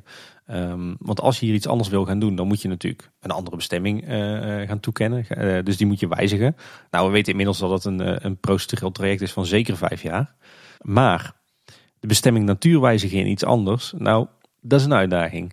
Maar wat, wat, wat zijn dan de delen die nu zijn gekenmerkt als natuur? Ehm, dat is eigenlijk heel, heel duidelijk. Uh, echt de baan, dus daar waar het nu gras is, dat is nu uh, aangeduid als recreatiesport. Mm Maar al die plekken waar, waar we nu bosjes, struikgewas zien en dergelijke, dat is als natuur gekenmerkt in het bestemmingsplan. Oh, dat is wel lekker duidelijk, ja. Ja. Oké. Maar, eh, maar in theorie zou er dus wel een voetbalveld kunnen komen. Ik zie niet in wat dat dan tegenwoordig met Efteling te maken heeft. Nou, absoluut. Dat zou kunnen. Het wordt alleen een grotere uitdaging als je naar kijkt naar de, de wensen van de liefhebbers zien. Naar een eh, second gate of een waterparadijs of zo. Nou ja, zie uh, deze bestemming maar eens om te zetten naar, uh, naar een veel meer intensievere bestemming met meer bebouwing. Dat zie ik zo 1, 2, 3 nog niet gebeuren. Zwemmen is wel een vorm van sport hè? Ja, maar het is, wat, wat ik al zei, het wordt een enorme uitdaging om de bestemming natuur eraf te krijgen. Ja, en wat natuurlijk ook in het bestemmingsplan staat, is dat het minimumpercentage groen 90% moet zijn. Ja, precies. Dan kun je niet heel veel zwembaden neerleggen. Nee, kijk, Misschien een zwemplas. Ja, nou ja, kijk, de Efteling heeft natuurlijk de, de, laatste jaren continu benadrukt dat het, het golfpark eh, van heel groot belang was voor de natuurlijke verbinding met de, de Drunense Duinen, met Huis ter Heide, eh, de vlinders die op de baan zitten. Uh, ja, en je kunt niet zomaar 1, 2, 3 in Nederland zeggen van nou, dan gaan we er nou eens lekker volbouwen. Nee, ik denk dat op de korte termijn zeg maar gewoon stelt wordt gesloten dat het de eerste paar jaar gewoon als natuurgebied wordt ingericht. Of, Ik weet niet of het, een, of het zelfs zo wordt ingericht. Ze hebben vijvers. Ik denk dat het gas gewoon een beetje Laten we Misschien, verwilderen. ja, misschien laten we niet vervangen. Want volgens mij heb je bij golfbanen altijd verschillende soorten gras. Voor, Ja, de, voor de greens en de fairways heb je ander gras dan voor de roughs. Die aan de buitenkant Nou, liggen. Paul, voor iemand die geen golfer is, weet je er ook best veel van. Mario Golf, hè, daar leer je die term ook Ah, ja, allemaal. Ja, zeker. Dus misschien als we daar nog wel iets gaan vervangen, dan inderdaad gewoon gras laten. Misschien zelfs wel dieren erop zetten of zo. Zou kunnen. Zou best kunnen. En, dan misschien wandelgebied of zo ervan maken. Misschien wel extra paden erin. En dat ze mensen die in eh, Bosrijk eh, zitten bijvoorbeeld stimuleren om daar te gaan wandelen. Dat je misschien paden hebt vanaf Ja, Bosrijk absoluut. daar direct op. Ja.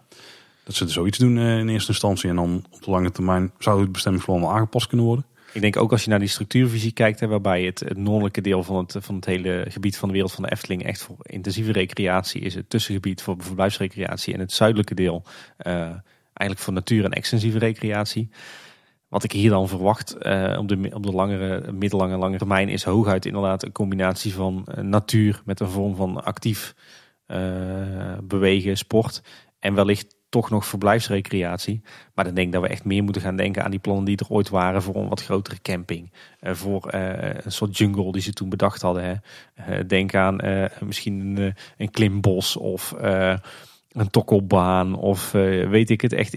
Midget golf, Nou, bijvoorbeeld. dat zou kunnen volgens mij wel. Ik, ik, maar ik denk dat we inderdaad dat de natuur in dit gebied eh, echt een hele grote component gaat zijn. En dat we hier never nooit niet een second gate of een, eh, of een zwemparadijs gaan zien. Ik denk dat we hier echt moeten denken aan, eh, aan groen, natuur en eventueel wat sportieve recreatie en verblijfsrecreatie. Ja, ik denk dat we het vooral qua bebouwing moeten zoeken in een verblijfsrecreatie. Ja. Ik denk dat als je ook inderdaad kijkt, je noemde het net al, je hebt die drie stroken.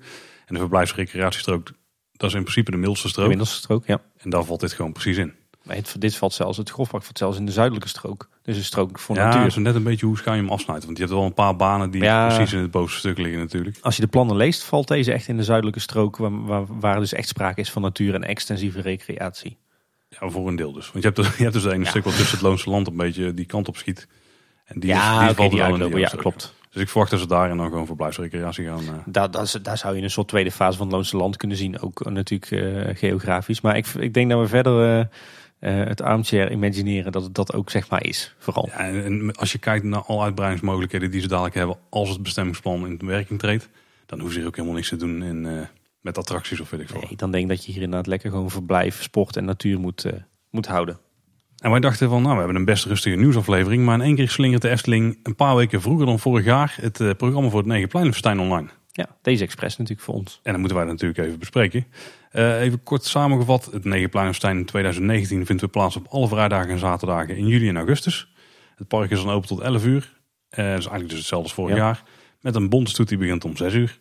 En er zijn wel wat wijzigingen, maar die zijn niet echt heel groot. Ik heb even op een rijtje gezet wat we per plein allemaal kunnen gaan doen dit jaar, Tim. Oké, Er komen vanzelf de verschillen tegen. Eh, de grootste verschillen zitten dus op het Anton Pieckplein en het Routenplein. Eh het Anton Pieckplein, daar kun je vanaf half zeven terecht. Daar eh, krijgen we, en dat is dan nieuw, muziek uit een vintage Vespa. Oké. Betrek, dus, dus niet direct wat ik bij de Efteling aan denk dan. nee. Zeker niet op het andere piekplein. Nee, nee, nee. nee. Doe je dan een koets of een paardenkar? Ja, met speakers erin. Ja. Of een race met hondenkarren? Oeh, dat is dan, eh er zijn alvast wel actiegroepen die dan Ja. ook weer langskomen.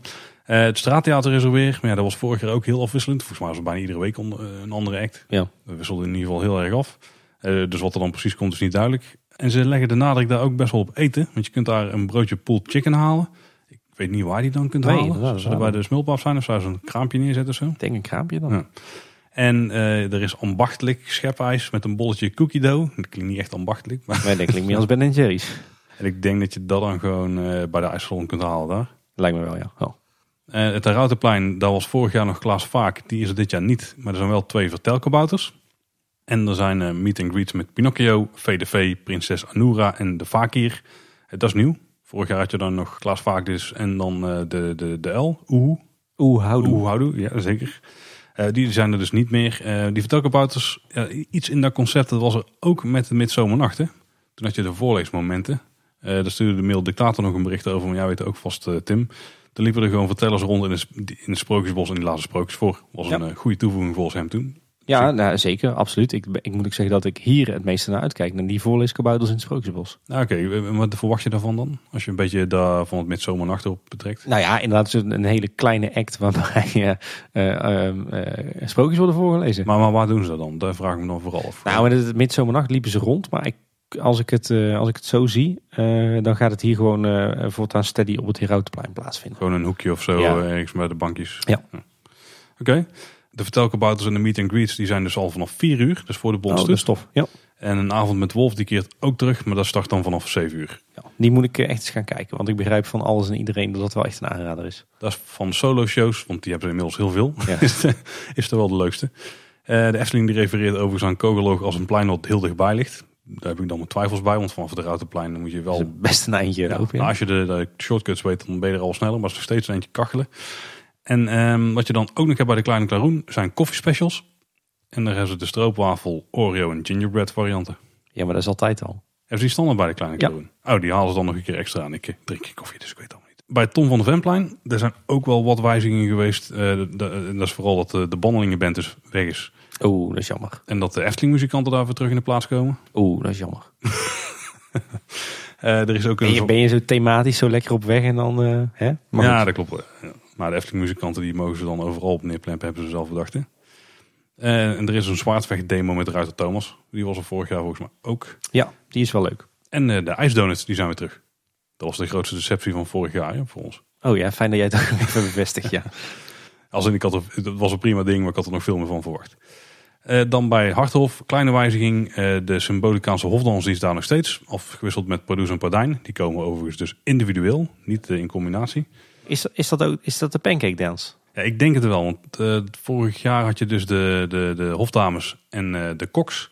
En de hofdames die begonnen dan met de, de symbolicaanse hofdans. En dan kwamen de koks erbij en dan kwam de pancake dance. Ik denk dat dat concept nog steeds blijft staan. Alleen dat OJ punctueel het niet in light. Ja. Ik, ik denk dat dit wel een beetje een situatie is waarbij... eh, want heel veel fans vinden het jammer dat hij dus niet komt.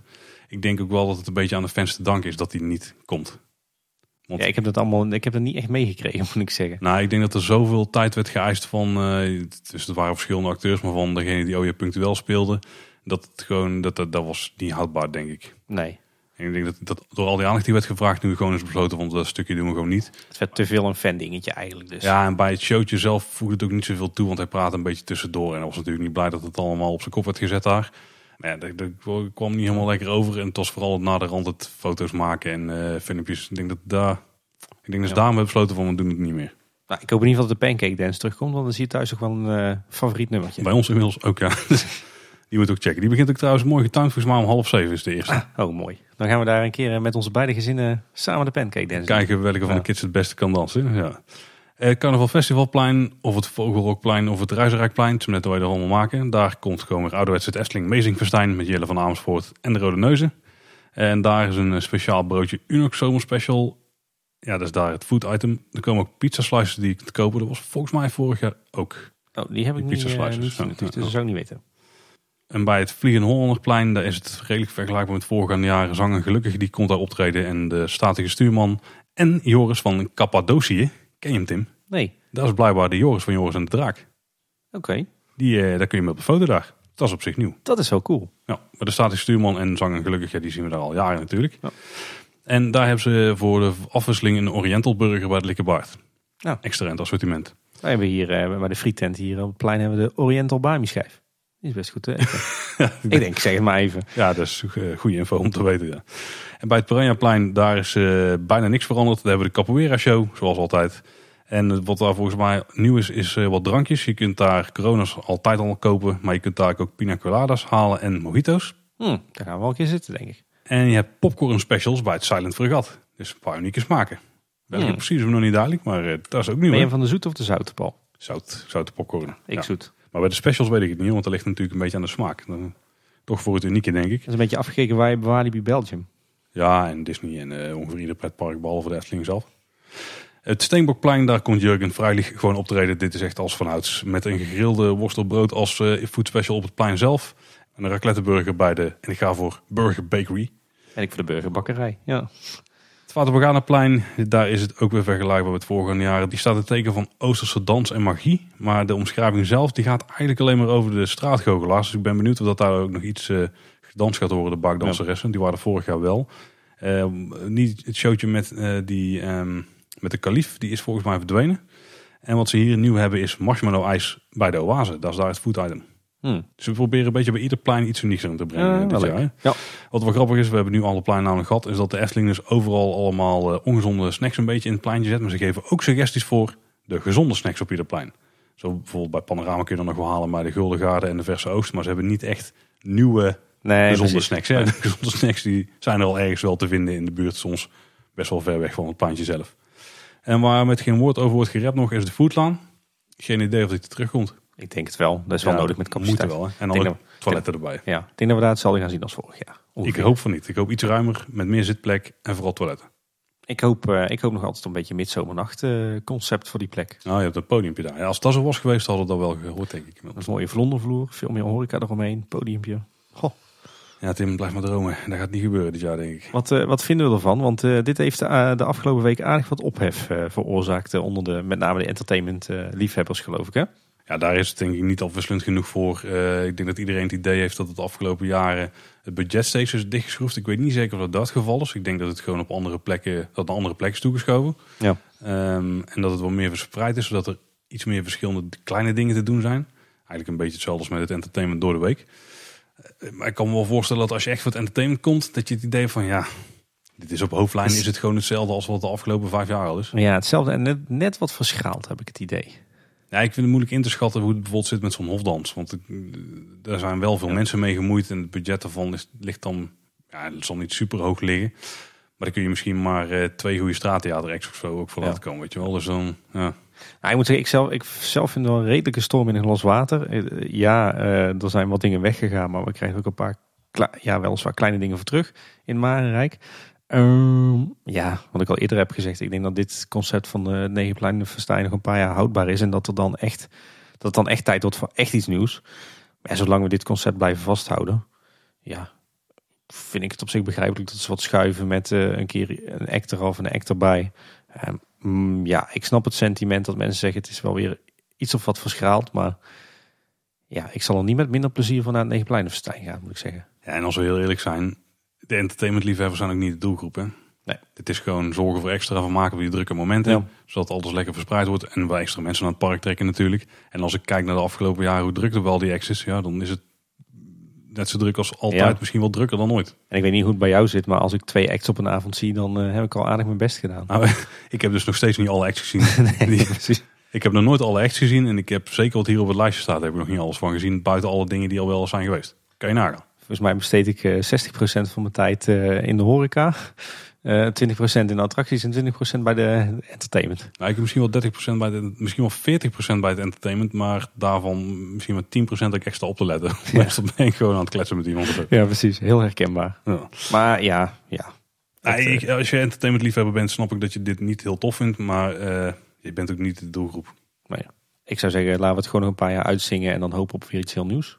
Ja, kijk, dagjes mensen die komen. Ik, ik denk niet dat heel veel mensen jaarlijks een ticket kopen om naar het Negenpleinenstein te gaan. Specifiek daarvoor. Nou, die zijn, die zijn er best wel veel, zeker hier in de regio. Maar dat is met name omdat ze gewoon een lekkere feestelijke avond in de Efteling willen hebben. Ja, precies. Maar ik denk dat de meeste dagjesbezoekers die blijven gewoon hangen en die krijgen het dan mee. En Ja. die zien dit vaak voor het eerst. Hè. Die denken, oh, dat is leuk. Dus ja, ik denk dat het ook niet zo'n heel groot issue is. Zullen we snel verder, Tim? Want wij Ja. zijn eh, geen entertainment liefhebbers. Hè? Of Oh, oh. geen grote. Spreek voor jezelf. Ik ben wel een redelijke entertainment liefhebber. Maar geen grote entertainment liefhebber, dat klopt. Ik had hem nog net, in, net op tijd ingekleed. Ja, precies, dat is waar. Hey, 7 juli, dan opent, want hier ben je wel denk ik een grote van, hè, van musea en zo. En daar hou je wel van, hè? Ja, klopt. Grote. Ja. Nou, dat- Ja, ja. Ik mag niet voor jou spreken, hoor ik wel. Nee, vandaag, het gaat vandaag eh, alle kanten op. al. Nou, dit brugje is in ieder geval super slecht. Maar op 7 juli dan opent een nieuwe wisseltentoonstelling in het Efteling Museum. Dus dan gaat de Indische Waterlelies tentoonstelling gaat weg. En in die ruimte die daar nu zit, daar komt een... eh, ja, is, is het een expositie? Misschien niet echt, hè? Mm, op zich, de, de naam die eh, is veelbelovend. Maar wat we er tot nu toe van gelezen hebben, is het wat twijfelachtig. Ja, wat er in ieder geval dus gaat gebeuren is dat daar een tentoonstelling komt waarin sprookjes centraal staan.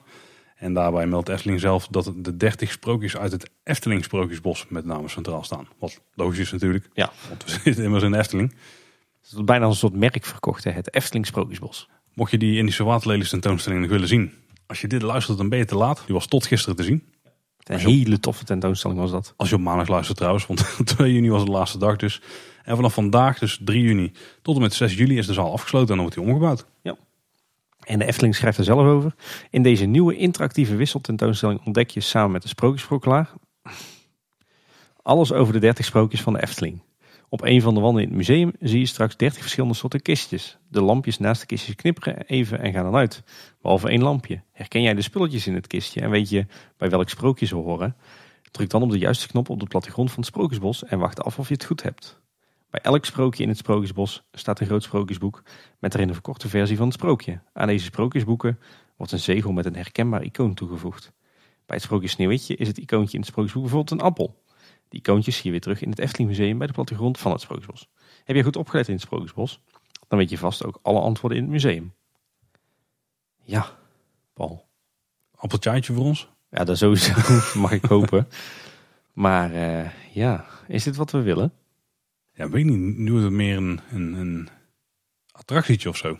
Ja, het, het, het lift een beetje mee op de trend die we in alle musea in eh, Nederland en misschien wel de hele wereld zien. Dat het allemaal steeds interactiever en kindvriendelijker uh, wordt. Waarmee musea vaak een soort van uh, veredelde kinderspeelplaats worden. Als ik uh, dan een klein puntje van kritiek mag uiten. Nou ja, ik, de, laat ik dan mijn eigen mening maar geven. Als dit een onderdeel is van de tentoonstelling. Wat nu wel zo lijkt, want ze hebben het over één wand. Dan zeg ik van nou oké prima, ik snap dat je dit tegenwoordig wil doen. Om het ook voor de kinderen wat interessant te maken. Maar ik hoop niet dat dit alles is. Ik hoop wel eerlijk gezegd nog op uh, uh, hetzelfde kwaliteitsniveau als de Indische waterlelingswissel tentoonstelling. Waarbij je echt een hoop uh, mooie foto's die we nog nooit hebben gezien. Tekeningen, videobeelden, leuke weetjes en feitjes over het ontwerp, over de bouw. Dat we dat ook wel gaan zien. Ja, ik hoop het. Maar dit is wel, als ik dit een beetje hoor, dan eist het wel de ruimte op hoor. Want als ja. het spelletje wordt gedaan, dan ligt de nadruk er wel op die. Er staat dus een tafel in het midden met die plattegrond en knopjes. Ja, daar gaat ook wel natuurlijk wel een hoop uh, omheen mm. gebeuren. Er gaan kinderen rondrennen en zo. Dus ik... Maar ja, dan krijgen we dus eigenlijk geen tentoonstelling, maar gewoon een kinderspel. Dat zal uiteindelijk de hoofdfunctie uh, van die ruimte wel worden, ja. Kijk, wij zien mm. natuurlijk het liefste historische feitjes en vooral heel veel dingen die we nog niet wisten. Ja. Dat die erin terugkomen. Ja, ik denk dat we daar niet zo heel veel van gaan zien. Uh, het liefste als hij dus weer een attractie, of een attractie, als hij weer in een tentoonstelling terugkomt. Dat ze wel zoiets er neerzetten, maar ja. Ik snap, ik snap ook wel waarom ze dit doen, want het is gewoon wel attractieve waarde. Je trekt meer mensen daar naar binnen. Want laten we eerlijk zijn, het staat er nou niet helemaal vol, maar dat is daar ook wel prettig. Dat je op je gemak er even rond kunt kijken. Dus al hangen er dingen aan de muur, dan kun je denk ik niet heel vaak daar op je gemak rondkijken. Ja, maar ja, het is het Efteling Museum, hè? het is niet Efteling Monkey Town. Nee, dat klopt, ja. Nou ja, ik, ik hoop in ieder geval dat we toch net iets meer gaan zien dan alleen dit uh, spelletje. Nou, dat wordt dan even afwachten. Ik hoop het ook niet. En anders heb ik gelukkig uh, mijn dochters als excuus om dit natuurlijk vol over, overgave en uh, overtuiging te spelen. Oeh, dan is het weer een kwestie van hoe goed heb je ze opgevoed in. Ja, precies. nou, we zullen zien. Hey, de zes zwanen, als we het toch over sprookjes hebben. Ja. Daar is weer het een en ander gebeurd. En daar dat hebben gaat we, lekker. Ja, dan krijgen we nieuwe blik op het sprookje. Hè? Ja. Mogen we wel zeggen. 23 mei is het hoogste punt officieel bereikt met het plaatsen van de windvaan. En daar werd een feestje bij gevierd. Hè. Bij de kleine Klaroen was een barretje neergezet. Ja. Zo. Van alles, een uh, kaasbroodje en een, een appelflap. Kijk, ze hebben, de, ze hebben de portemonnee weer getrokken bij de Efteling. De Efteling zelf die had ter ere daarvan een, een timelapse geplaatst op het Efteling blog. Dat is heel gaaf. Tof. En aan het eind zie je onze, onze maat Henk. Onze Henkes. Ja, Henkes. Die, die zie je dan de, de vlag in de, ja, eigenlijk in de punt hijsen. In de windvaan, ja. Hij knoopt hem eigenlijk gewoon een beetje aan vast. Hij was wel leuk. Dat Henk toch weer een denk ik een stukje verdiende eer krijgt. Ja, zeker. Ja, wat, we dus konden zien, ook in die timelapse, maar ook door wat foto's die naar de rand uh, vrijgegeven werden. En ook gewoon omdat de stijgers nu dus weg zijn. Is dat het rotswerk al heel aan klaar is. Ja, inderdaad. En, en, eigenlijk dat de buitenkant qua vorm al gewoon staat.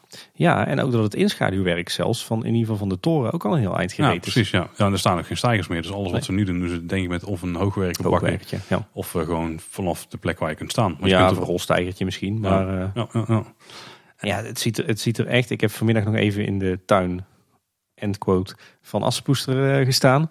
En uh, het ziet er wel echt heel gaaf uit hoor. Super gedetailleerd. Echt alsof het er al uh, een paar eeuwen staat. Super Eftelings. Ja, ik moet ook zeggen dat ten opzichte van de concept art die je zag, waar je toch wel een beetje symbolica vibes van kreeg. Ja. Dus als je het nu ziet, dat het veel meer passend in het sprookjesbos Ja. is dan ik had verwacht van tevoren. Ja, je, ziet- je ziet hier wel dat het bij de Efteling dit soort bouwwerken altijd van een combinatie is van de kwaliteiten van de ontwerper. Met ook de kwaliteiten van de vormgever en de decorateur. Want ik denk, ik denk zelfs dat als je het, eh, de bovenkant, eigenlijk de ui van de toren gewoon eraf haalt, dat dit een gewoon best wel klassieke boutje is voor het sprookjesbos. Ja. ja, kijk, weet je wat je natuurlijk wel hebt, maar dat heb je natuurlijk al- overal in de Efteling en overal in, dit soort, in, in pretparken en themaparken. Het, het is natuurlijk allemaal net even iets over de top. Hè? Ik bedoel, een torentje op een torentje op een torentje. En nog een kleiner torentje. En weer een vaantje en nog een ja. luikje. Dat is een historisch doet. De historisch is natuurlijk je reinste koek. Maar ja, het ziet er wel schitterend uit. En het voelt wel Eftelings. Ja, precies. Ja, het is echt alleen het enige wat het een beetje excentriek maakt is die Audi bovenop staat. En Ja. het torentje wat daar dan aan vast zit inderdaad met zijn eigen dakje. en Dat stukje. Ja. Maar wel, het ziet er echt super goed uit. En dat stoort mij ook niet hoor. Ik vind het voor zo'n toch een beetje fantasieachtig bouwwerk. Vind ik dat wel, eh, wel classy hoor. Ik hou er wel van. En, en een mooie mix van inderdaad rotsen en, en grotere steenblokken en kleinere metselwerksteentjes. En eh, het is heel gaaf in elkaar. Ja, en er zit ook een klein verrassing in, hè, hadden we nu gezien. Wat we niet hadden verwacht van tevoren. Nu we het rotswerk een beetje gevormd zien worden. Ja, het lijkt erop dat er een waterval gaat komen. Ja, Hè? misschien zelfs wel een, een meerdere, meer laagse waterval. Oh, Of tenminste meerdere niveaus dat die, eh, die overspant. zat niet in de concept art hè? Nee, volgens mij niet. Nee, nee, nee. nee, nee. We hadden verschillende suggesties. Mensen die zeiden van ja, dat doen ze waarschijnlijk om een beetje eh, beweging in het water te krijgen. Om eh, die, zeg maar die, de, de, de stangen waar de, de zwanen op zitten, om die te verbergen. En volgens mij was het Friso, die kwam ook met de gedachte van joh, misschien is het ook wel om te verbergen dat het kasteel dus boven het water zweeft. Ja, zou prima kunnen. Ja. Ja. Nou, als dat zo is, dubbel slim. Ja, tof. Ja, Wel eh, veel kleine kindjes die snel naar het toilet moeten, denk ik. Maar gelukkig zit kleine boodschap er in de buurt. hè? precies. En naast een hele toffe podcast is er ook een hele toffe toiletgroep. Ja. Ik zal het maar even zeggen. hè. Nou, eh, we zitten er wel eens op te nemen. En wat- Wat dus nu inderdaad nog gebeur- gebeuren moet, is vooral het inschaduwwerk. Aan de buitenkant dan. Ja. Er moet uiteraard water in de vijver komen en de zwanen moeten erin. Dat is ook Ja. nog wel een mooi Ja. momentje, denk ik, als dat gaat gebeuren. En de, de omgeving moet nog betegeld worden. Maar er staat er wel heel veel groen. En er lijkt nog steeds groen bijgeplant te ja, worden. Inderdaad. Het wordt echt, ze planten echt heel veel groen aan. Ja. En wat me de laatste tijd dus ook opvalt, want daar had ik natuurlijk helemaal geen rekening mee gehouden, is dat ze ook gewoon echte rotsen neerleggen. Dus je hebt nu een beetje een combinatie daar van eh, groen met de planten. Je hebt rotsen, een beetje op zijn, eh, mag ik het zeggen, op zijn overland. Er komen hele bergen van rotsen te liggen, zeg maar. En dan die, eh, die neprotsen die dan aan het gebouw zelf, Ja. zelf vastzitten. En die combinatie wordt volgens mij wel heel tof. Ja, inderdaad. Dat is iets wat we bijvoorbeeld bij Symbolica missen. Hè? Dat, dat- daar stopt de rots echt gewoon in het straatwerk en dan, dan houdt het ook meteen op. Ja, precies. Dat ja. is natuurlijk wat natuurlijker, zeg maar. Ja, precies. Het, het staat eigenlijk echt in het groen. Volgens mij wordt het echt heel tof. Ja. En het controlehokje is inmiddels dus helemaal af, denk ik. Ik denk dat we er Ja, niks meer... Een eh, schilderbeurtje of zo. Ja, hij is een beetje bedoelrood, hè? Ja.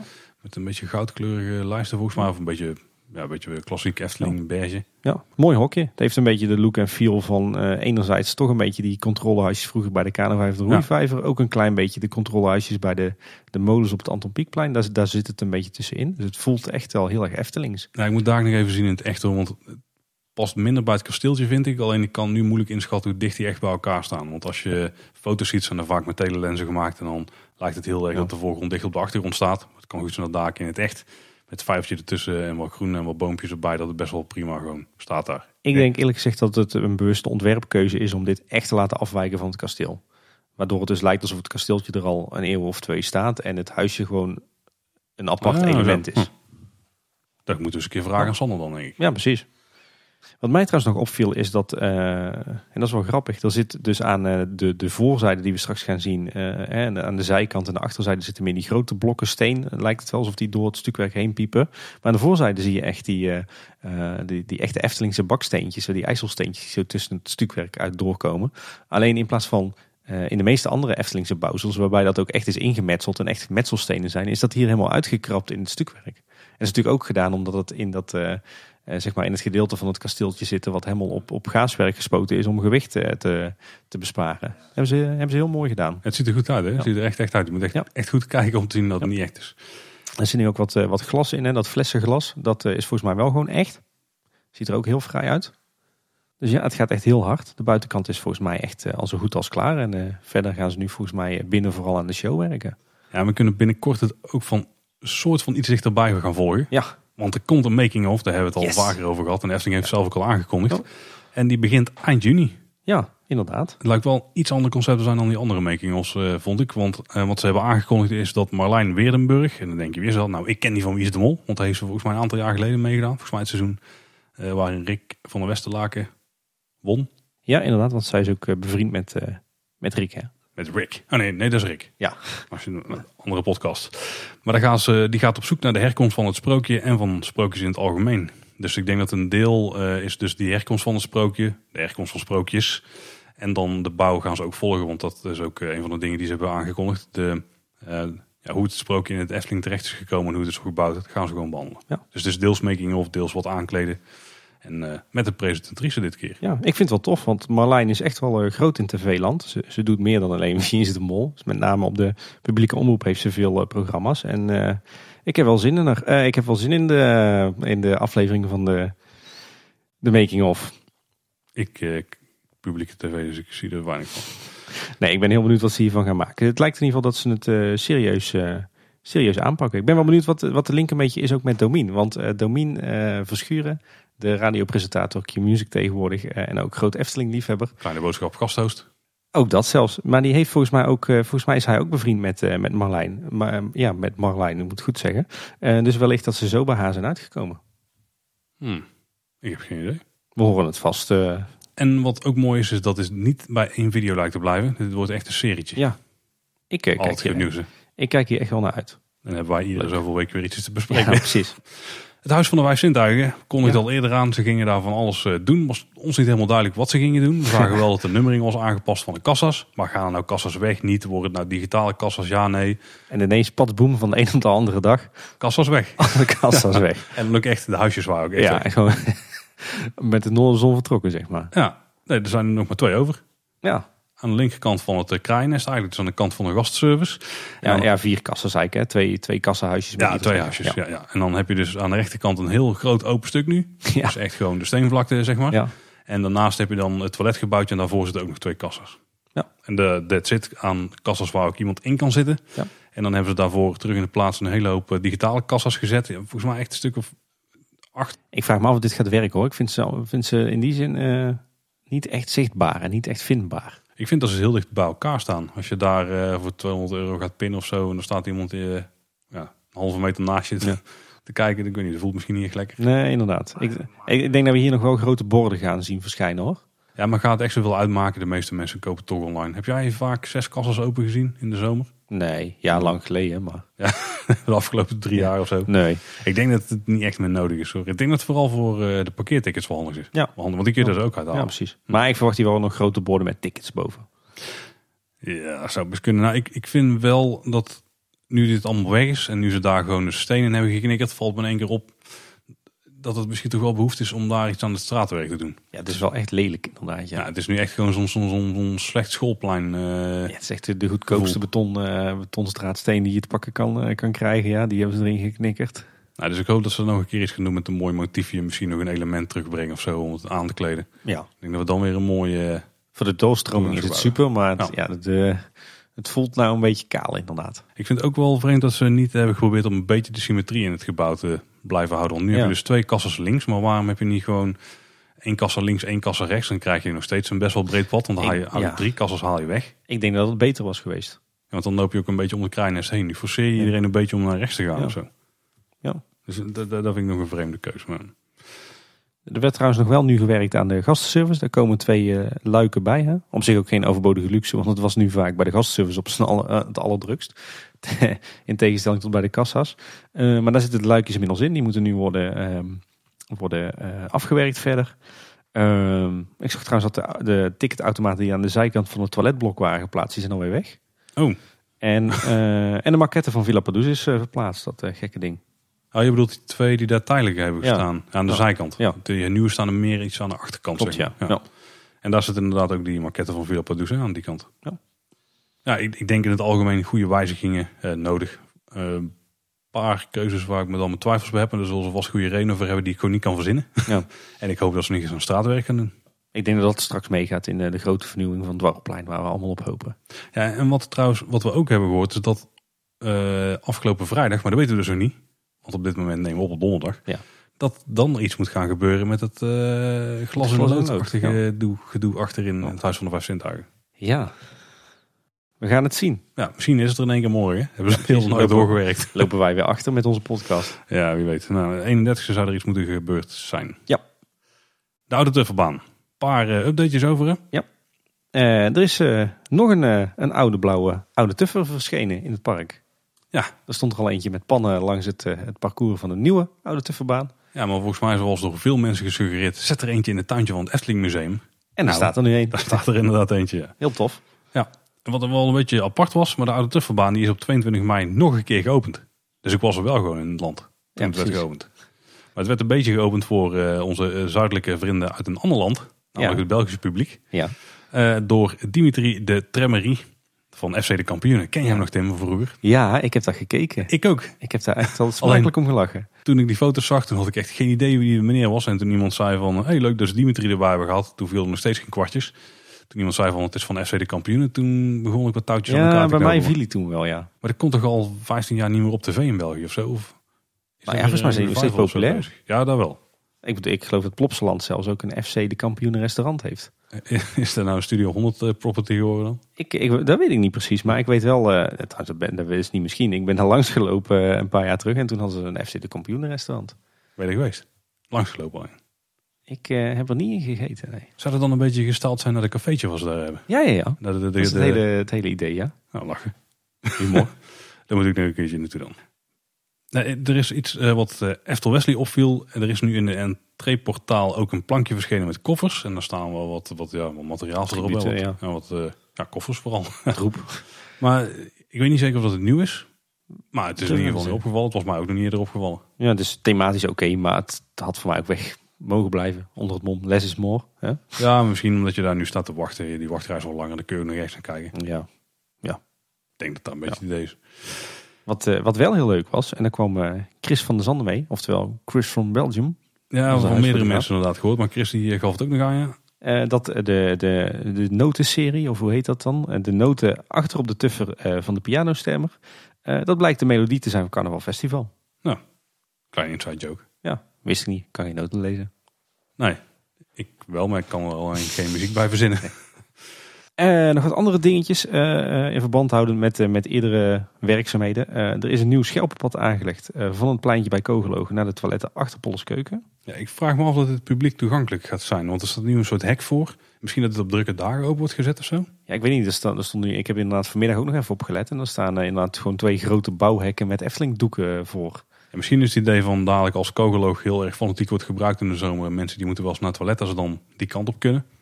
Ik denk dat het op zich wel een praktisch afsnijpuntje is. Mm, aan de ene kant snap ik hem, omdat je zegt van ja, je kunt daar koude koffie drinken. Nou, dat werkt altijd lekker op je blaas. En dan moet je tegen die mensen vertellen, ja, als u nou naar de wc moet, dan moet u rechtdoor en dan links en dan rechts. En dan bij Rapunzel links en dan nog een keer rechts en dan nog een keer links en nog een keer rechts. En dan daar is het toilet. Daar gaat natuurlijk geheid eh, mis. Ja.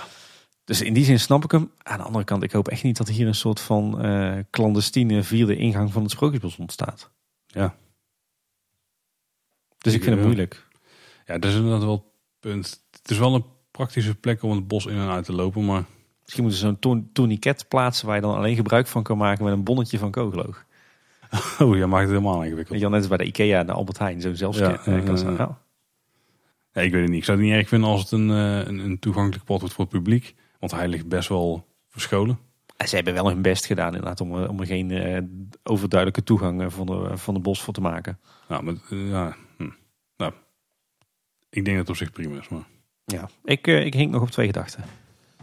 En het is leuk, want als je heel erg moet plassen, dan hink je ook op twee benen. doe je dat niet als je loopt ook gewoon. Nou ja, dat is, ja, dat is ook zo. Eh, de uitbreiding van het terras van Octopus die is nu afgerond. Er staan Ja. ook wel stoeltjes op, daar kun je ook zitten. ja. En Niet, er is- eh, niet heel erg een eh, charmante terrasplek of zo geworden. Nee, ik heb het idee dat er nog wel iets van afrastering of zo bij komt. Want er staat nog zo'n verdwaalde, ja, een beetje zo'n paal, weet je wel, die is overgebleven omdat daar eerst het muurtje op hield. Dus ik weet niet helemaal wat ze daar nu mee gaan doen.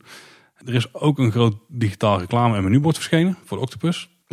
Ik dacht in het begin van, oh, dat is wel een heel lom dik ding. Maar toen ik er beter naar ging kijken, is een soort klokje bovenin en zo. En Het is, eh, de, de ombouw is ontzettend mooi gedaan. Ja. Het is, eigenlijk- ik vind hem nog steeds wel heel log en lomp. ja, maar het past beter nu ik door dat er een klokje of zo in zit, weet je wel. Dan hoeft het niet zo'n platte, ja, platte plank te zijn.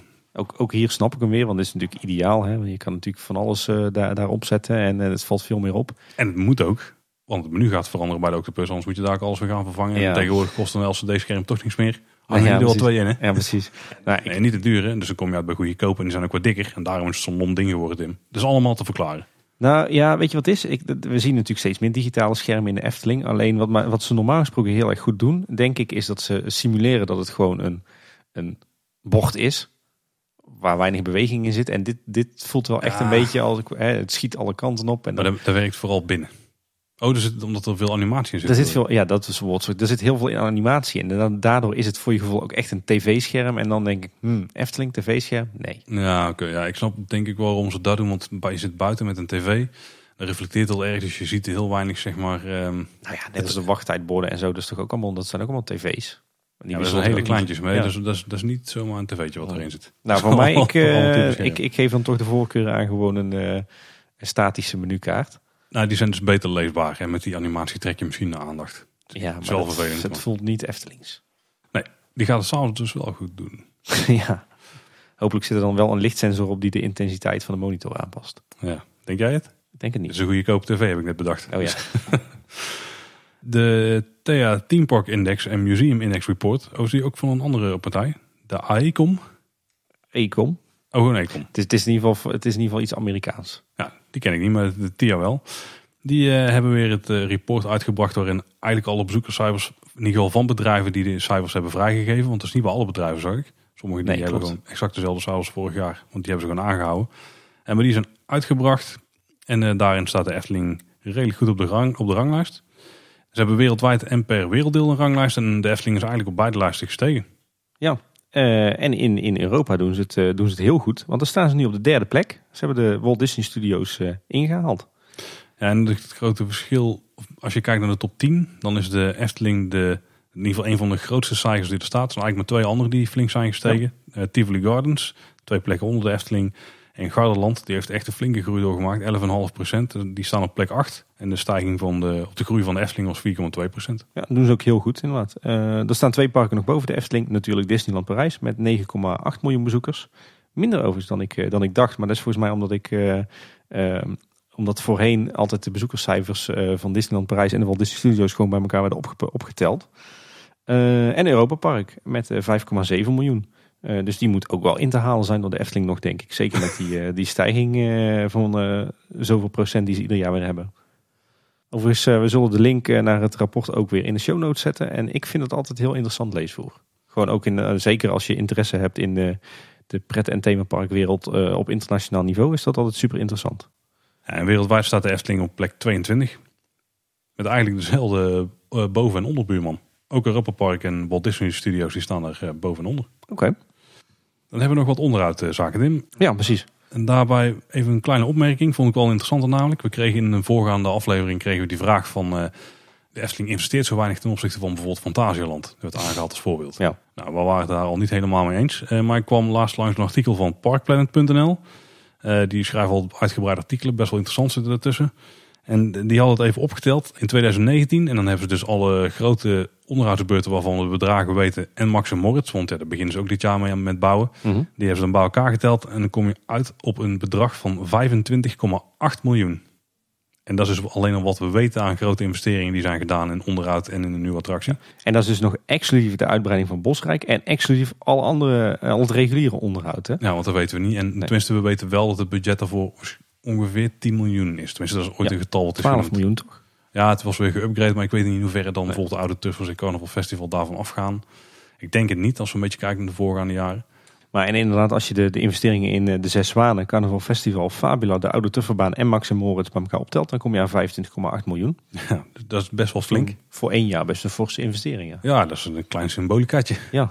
Nou, wel een heel kleintje dan, maar... Daar kun je aardig wat parken heel wat attracties van bouwen. Ja, precies. Dus investeren best flink als je Ja. het zo op een rijtje ziet. Zeker. Maar onderuit verder. Ja, eh, een aantal opvallende dingen nog. Repelstiltje, eh, de onderhoudsbeurt daar, die, eh, die liep wat uit, maar die is inmiddels uit de stijgers. En daardoor kunnen we nu ook de nieuwe boom goed zien. Ziet er wat mij betreft heel fraai uit. Is net wat uitgesprokener dan, dan de vorige versie. Hij is wat, wat knoestiger en er zit ook iets meer variatie in dan alleen boomschors. Ik hoorde daar wat klachten over, maar ik vind hem eigenlijk wel vrij.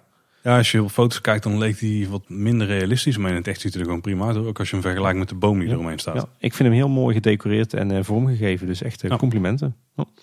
Een storing die al een tijd voortduurt en die ik ook van steeds meer mensen hoor, is dat het geluid bij de Indische waterlelies eh, echt heel slecht staat afgesteld. De gong, de vertelstem en de heks die zijn amper te horen. En dat gaat echt al langer niet goed, dus hopelijk wordt ernaar gekeken. Kleine Fata Morgana update. Ehm, daar, daar was een boot verdwenen en daar dreef de bananenboot in het water. Daar hebben we het de vorige keer over gehad. We kregen van heel veel luisteraars eh, reacties. Van insiders, maar ook van luisteraars die het gewoon aan het personeel hadden gevraagd. En het bleek dat uh, boot 1 uh, lek was geraakt. Iets wat overigens nog niet eerder was gebeurd. Die hebben ze dus uit de vaart gehaald voor reparatie. En die is dus tijdelijk vervangen door die bananenboot om verstoring van het besturingssysteem van de show te voorkomen. maar boot, de boot staat inmiddels al klaar achter de schermen om teruggeplaatst te worden in de, de bootvaart. En een storing die wel al een tijdje voortduurt, is dat de eerste tovenaar in de eerste jungle, zeg maar, die heeft al een, een paar weken laat hij zijn hoofd hangen naar beneden. dus wellicht is daar zo'n zo'n remkabel gesprongen, zeg maar. Nou, vliegtuigkabel. Vliegtuigkabel, ja. Goed opgelet, Paul. Ja. Uh, Aquanura, de onderhoud is volgens mij afgerond nu. Ja, was een korte onderhoudsbeurt van vijf werkdagen. Ja, die is gewoon flink uh, schoongemaakt. Dat is ja. eigenlijk het voornaamste wat ze er hebben gedaan volgens mij. Want hij werkt al best goed de laatste tijd. Ja, inderdaad. Ik zag wel wat foto's van Jeroen 2 met uh, bruin water en allemaal lekkages. Maar dat was misschien nog voordat de onderhoudsbeurt was afgerond. Oeh, geen idee. ver werd er geschilderd aan de buitengevel van station de Oost.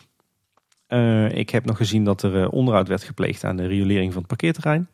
Ook geen overbodige luxe. En er is maar een tijdje een, storing geweest met het onderwatermechanisme van uh, Ravelijn. dus de, de bak met water waarin uh, Olaf en de wachters hun, hun, opwachting maken en laten weer verdwijnen. Mhm. Maar ik ben vandaag vanochtend toevallig nog naar Ravelijn geweest. Nou, werkt weer. Hoe denk jij dat het effect werkt, Tim? Dus het verschijnen uit het water en het verdwijnen in het water. Dat zat toch laatst in Team Talk, geloof ik? Ja, maar volgens mij klopt het helemaal niet.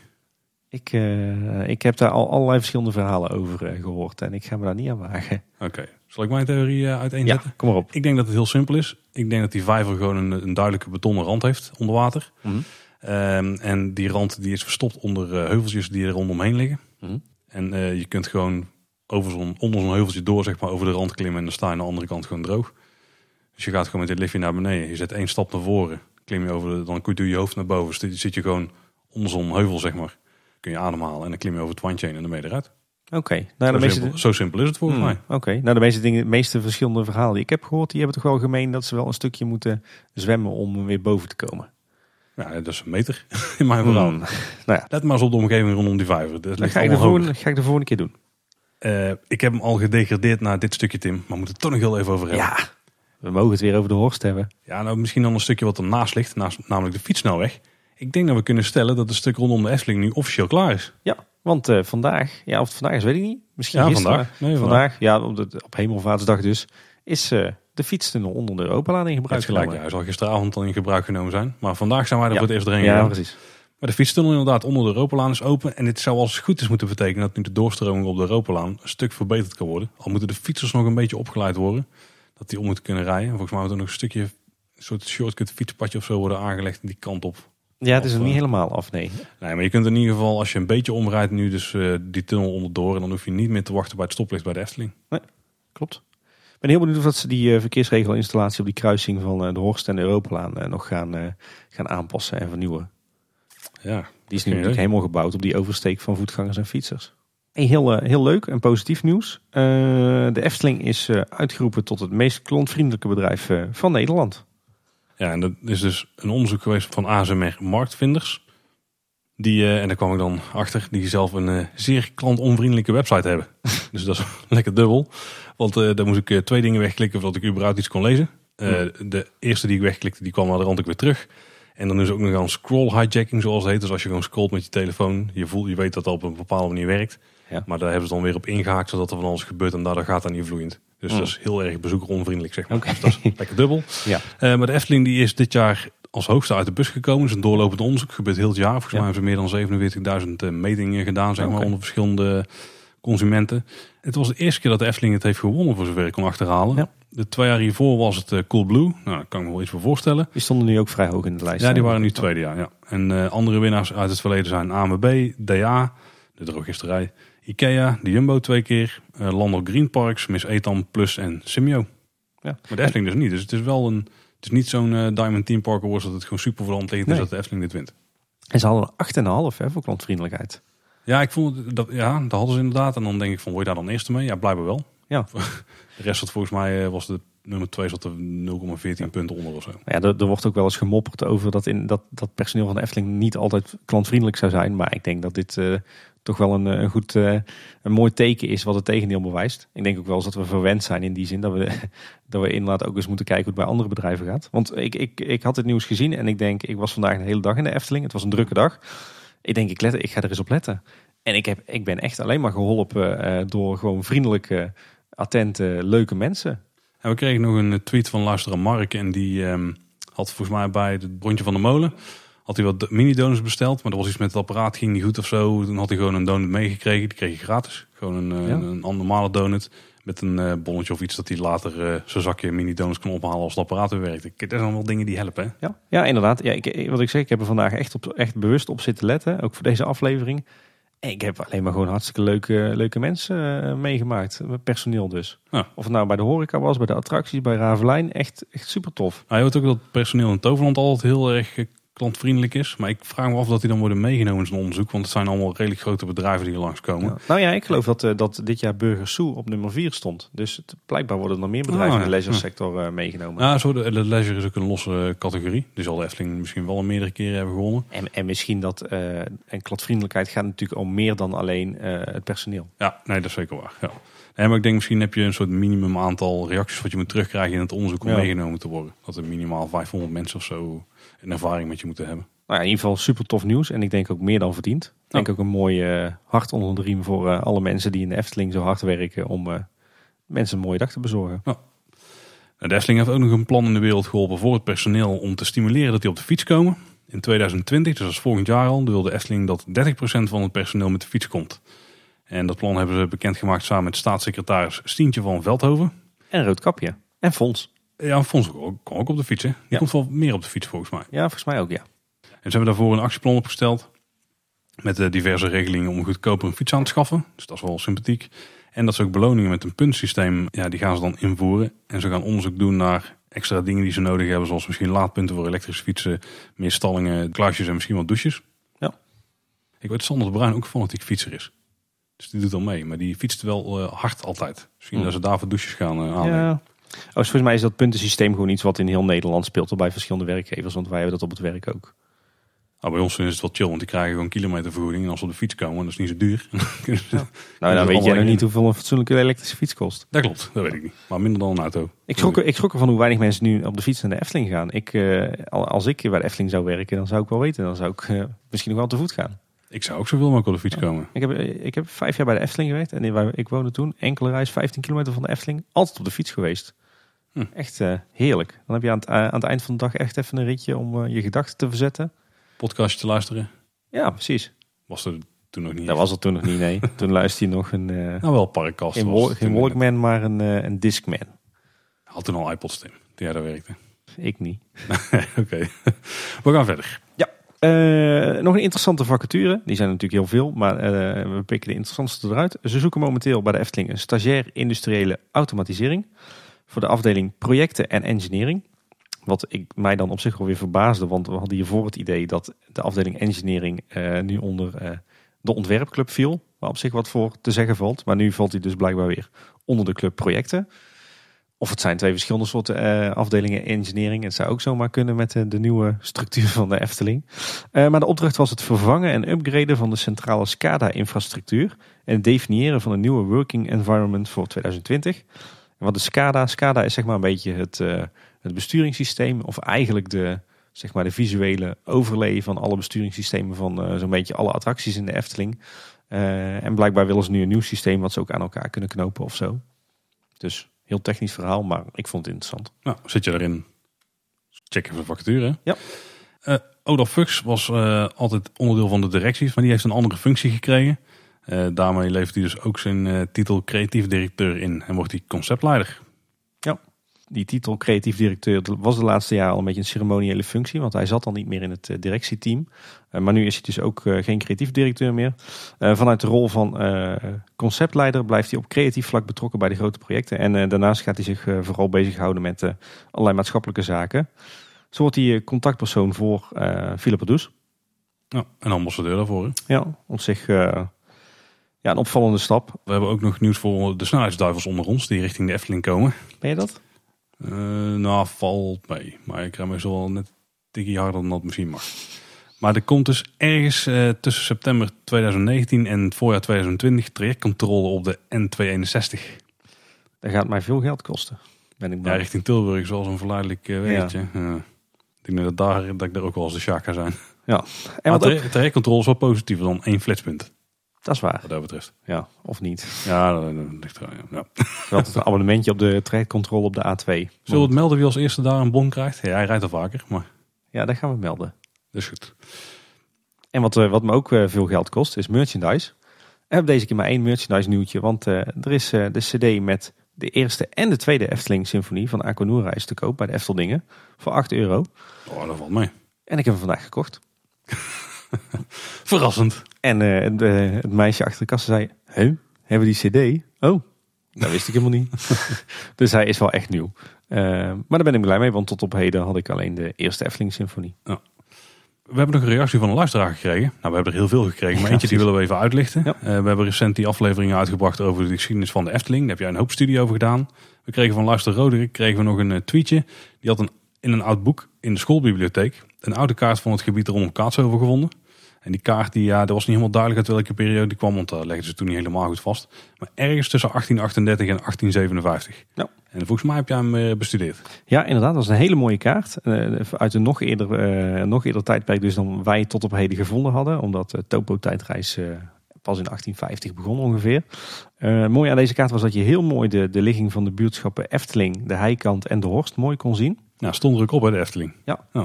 En eh, ja, het gebied eh, waar we nu het, het park Efteling vinden, dat was eigenlijk amper te herkennen. Aangezien heel veel van de wegen eh, die, de, die dat gebied omzomen eigenlijk er nog niet waren. Ja, ik vond het heel moeilijk om een beetje duidelijk te krijgen waar wat nu lag. Ja. Ik kon een beetje de lint van Kaatsheuvel wel zien, maar dat was het enige was het een had. Het mooie was dat, dat het gebied inderdaad een beetje een mengelmoes was van, van wat akkers, maar ook van heel veel woeste gronden. Het is een beetje heide, stuifzand, zeg maar. En wat ehm, ook heel veel smalle, ontgonnen percelen. Eh, en dat noemen ze hier in de buurt slagen. Hm. Eh, dat zijn zeg maar hele smalle akkers ehm, waar, waar voorheen turf gewonnen werd. Ah, nou snap ik ook waar de naam van de sporthal in Waalwijk vandaan komt. Precies, die komt daar vandaan. En je, je Je ziet de slagen trouwens, Ja, niet ja. ingewijden. Ja.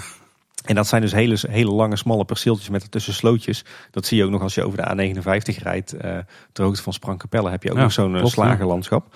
Maar dat had je hier dus blijkbaar ook. En is inderdaad ook bekend dat hier in de omgeving Kaatsheuvel heel veel turf gewonnen is. Eh, maar goed, dat had je dus ook op de plek waar nu de Efteling is. En eh, bovendien had je daar ook nog wat bos. Dus oh, het was eh, zeg maar overduidelijk een, een heel erg landelijk gebied. Heel interessant om die kaart te bestuderen. Weet je dat ik vandaag trouwens nog een stukje hele oude Efteling vond tijdens mijn bezoekje aan het park? Oh. Wij, zaten, wij zaten koffie te drinken op het Warrelplein, op de plek waar wij ook altijd opnemen, zeg maar aan het grasveld. En op een gegeven moment, een vriend van mij die zegt, wat ligt daar nou toch? En die pakt een, heel, die pakt een stukje heel erg verroest prikkeldraad van eh 20 centimeter eh, van de grond. Het lag daar op het pad. Gelukkig dat wij het eh, vonden voordat er iemand instapte. Maar bleek dat ze in die bossen, zeg maar, tussen de, eh, het Warrelplein en de, en de roeivijver, dat ze daar flink eh, gesnoeid hadden. En dat was natuurlijk vroeger een beetje de, de, de buitenrand van het park. Dus daar hebben ze op de een of andere manier, zal daar ook nog ergens in dat plantsoen een, eh, een afrastering gestaan. dus ik kan een heel erg oud stukje Eftelings prikkeldraad eh, te pakken. Ja, wel een tientallen jaren oud al. Ja, Oh, oké, oké. ik voelde wel eh, historisch. En die ligt hier nu ergens binnen? Nee, die heb ik gewoon bij de prullenbak gegooid. Ik kreeg ook nog een mailtje van Nelis junior. Hoe kan het dat het dit voorjaar veel minder druk lijkt dan vorig jaar? Ik vind het echt opvallen. Of ben ik de enige? Of gaat de Efteling beter om met de drukte? Als je wachttijden in de app ziet, vallen die erg mee. Misschien een keer een aflevering of item over crowdmanagement doen? Eh, ik weet niet hoe het met jou zit, maar het- ik heb niet de indruk dat het dit jaar rustiger is dan voorgaande jaren. Nee, ik, ik heb het idee dat het, ik denk dat het wel vergelijkbaar is met vorig jaar. Ik denk dat het echt wel helpt en dat dat misschien ook wel in de app een beetje weer terugkomt. Dat de capaciteit bij sommige attracties gewoon beter benut wordt. Ja, absoluut. En dat je daardoor dus gewoon, eh, dat die wachtrij niet zo erg de pan uitreizen als af en toe wel het geval is op drukke Ja. dagen. Ja, ik, en ik heb ook het idee dat, dat de drukte zich gewoon veel beter spreidt. Dat de, de doordeweekse dagen eh, eh, langzaam zeker steeds drukker worden en de weekenden iets rustiger. Nou, vooral in het voorjaar, ja, zeker. Ja, op zich een goede suggestie, een aflevering over drukte en crowdmanagement. Eh, blijf ons vooral volgen, want volgende week hebben we een aflevering over drukte in de Efteling. Teaser. Teaser. En we kregen ook nog een mailtje van Sander van den Tillaert. Hallo Tim en Paul, ik ben begonnen aan de inhaalslag van oude afleveringen. Heel af en toe gaat het over de waterpartijen. Hebben jullie al een thema-aflevering over waterpartijen? Dus de geschiedenis, gebruik van het water, de herkomst van het water gemaakt? Als adviseur water bij een groot adviesbureau in Nederland ben ik hier erg benieuwd naar. Nou Sander, dat treft, want we hebben inderdaad eh, een thematische aflevering. Nou niet zozeer over het water in de Efteling, maar wel over eh, de landscaping, dus het, het groen in de Efteling. Uh, dat is een, een gesprek met Mario Dieltjes. Ja. En daar hebben we het ook een hele tijd over de waterpartij en het water van de Efteling. Dus ja, die thema-aflevering die is al zo waar. Dat is aflevering 62. We zullen de link naar die aflevering in de show notes zetten. maar je kan ook gewoon Google gebruiken om onze oude afleveringen terug te vinden. Hebben nog geen zoekfunctie op de website staan, maar als je in Google uh, kleine boodschap intikt met het afleveringsnummer, dus in dit geval 62, of je uh, kleine boodschap en daarna uh, wat trefwoorden waar die aflevering over gaat, dan kom je eigenlijk vrij snel ook bij onze aflevering uit. En dan nog dit. Ik heb een paar dingen die ik nog wel even wil aantippen. Sowieso luister de laatste details als je iets geeft van themaparken. Michiel is namelijk naar Californië gevlogen, naar Anaheim, om daar in Disneyland voordat het nieuwe gebied Star Wars Galaxy's Edge openging in Disneyland. Mhm. Om daar een kijkje te gaan nemen. En die uh, beschrijft heel erg uitgebreid en met heel veel enthousiasme. En ook, je hebt af en toe, kan je echt helemaal inbeelden dat je dan langs loopt hoe dat themagebied eruit ziet. Dan had ik van tevoren wel luchtfoto's gezien, dus ik kon me er misschien nog wel iets bij voorstellen. En uh, op de achtergrond dan, uh, terwijl Michiel dat vertelt, hoor je af en toe een klap. En dat is volgens mij de kaak van Ralf die dan de tafel raakt. en die, voordat hij die weer terug moet schuiven. Als je iets om themaparken geeft, dit is denk ik wel echt de toekomst van wat themaparken kunnen gaan brengen. Ik weet niet of dat het ooit in de Efteling zo ver gaat als ze daar gaan. Want daar lopen gewoon acteurs rond uh, die ook weten hoe jij bijvoorbeeld in attracties jezelf hebt gedragen. Of wat je hebt gedaan in, uh, in, in, een café of zo. En daar wordt dan op ingespeeld. Nou, dat zal de Efteling denk ik niet zomaar doen. Maar in Disneyland waar volgens mij meer dan 20 miljoen mensen per jaar komen. Daar hebben ze dat budget net wel. En daar zijn ook altijd genoeg mensen om zoiets te doen. Dus, maar luister, het is echt super interessant. Ja, even voor duidelijk, het is aflevering 153 hè? Ja, 153. En ja. Details is een podcast van Ralf, Michiel en Johan over alles wat met Disney te maken heeft. Dus vooral de Disney parken, maar ook al het andere over Disney. En dat vind je op d-log.nl. Ja. En in je podcast hebben onder details. Ja. d-tails. Ja, inderdaad. En we zullen ook wel een linkje in de show notes zetten. Ja, wat ik ook wel tof vond om even te melden is de Coaster Challenge in Toverland. Er zijn wel vaker Coaster Challenges geweest die duren dan 24 uur volgens mij. Zoals mm-hmm. een keer in Troy ook. Het idee nu was is dat um, een clubje mensen acht uur lang dus tijdens de openingstijden van het pretpark in Troy ging zitten. Mm-hmm. Ik weet niet of ze het van tevoren hadden verwacht, maar dat kwam ongeveer neer op 100 ritjes. Ja. Uh, uiteindelijk bleek dat ze na 93 ritjes moesten ophouden. En de laatste zeven hebben ze binnen in een hal gedaan in Toos Express. Dat is Ja. een kleine achtbaan binnen. Maar wat interessant was voor ons is dat een paar van onze guesthosts, die deden mee. Ja, zeker. Tweemaal liefst hè. Ja, Danny en Pieter. Dus eh, die heren hebben het alle twee volgehouden. Overigens hebben ze het allemaal volgehouden. Oh. Ook, ook Essel was erbij en Harmon.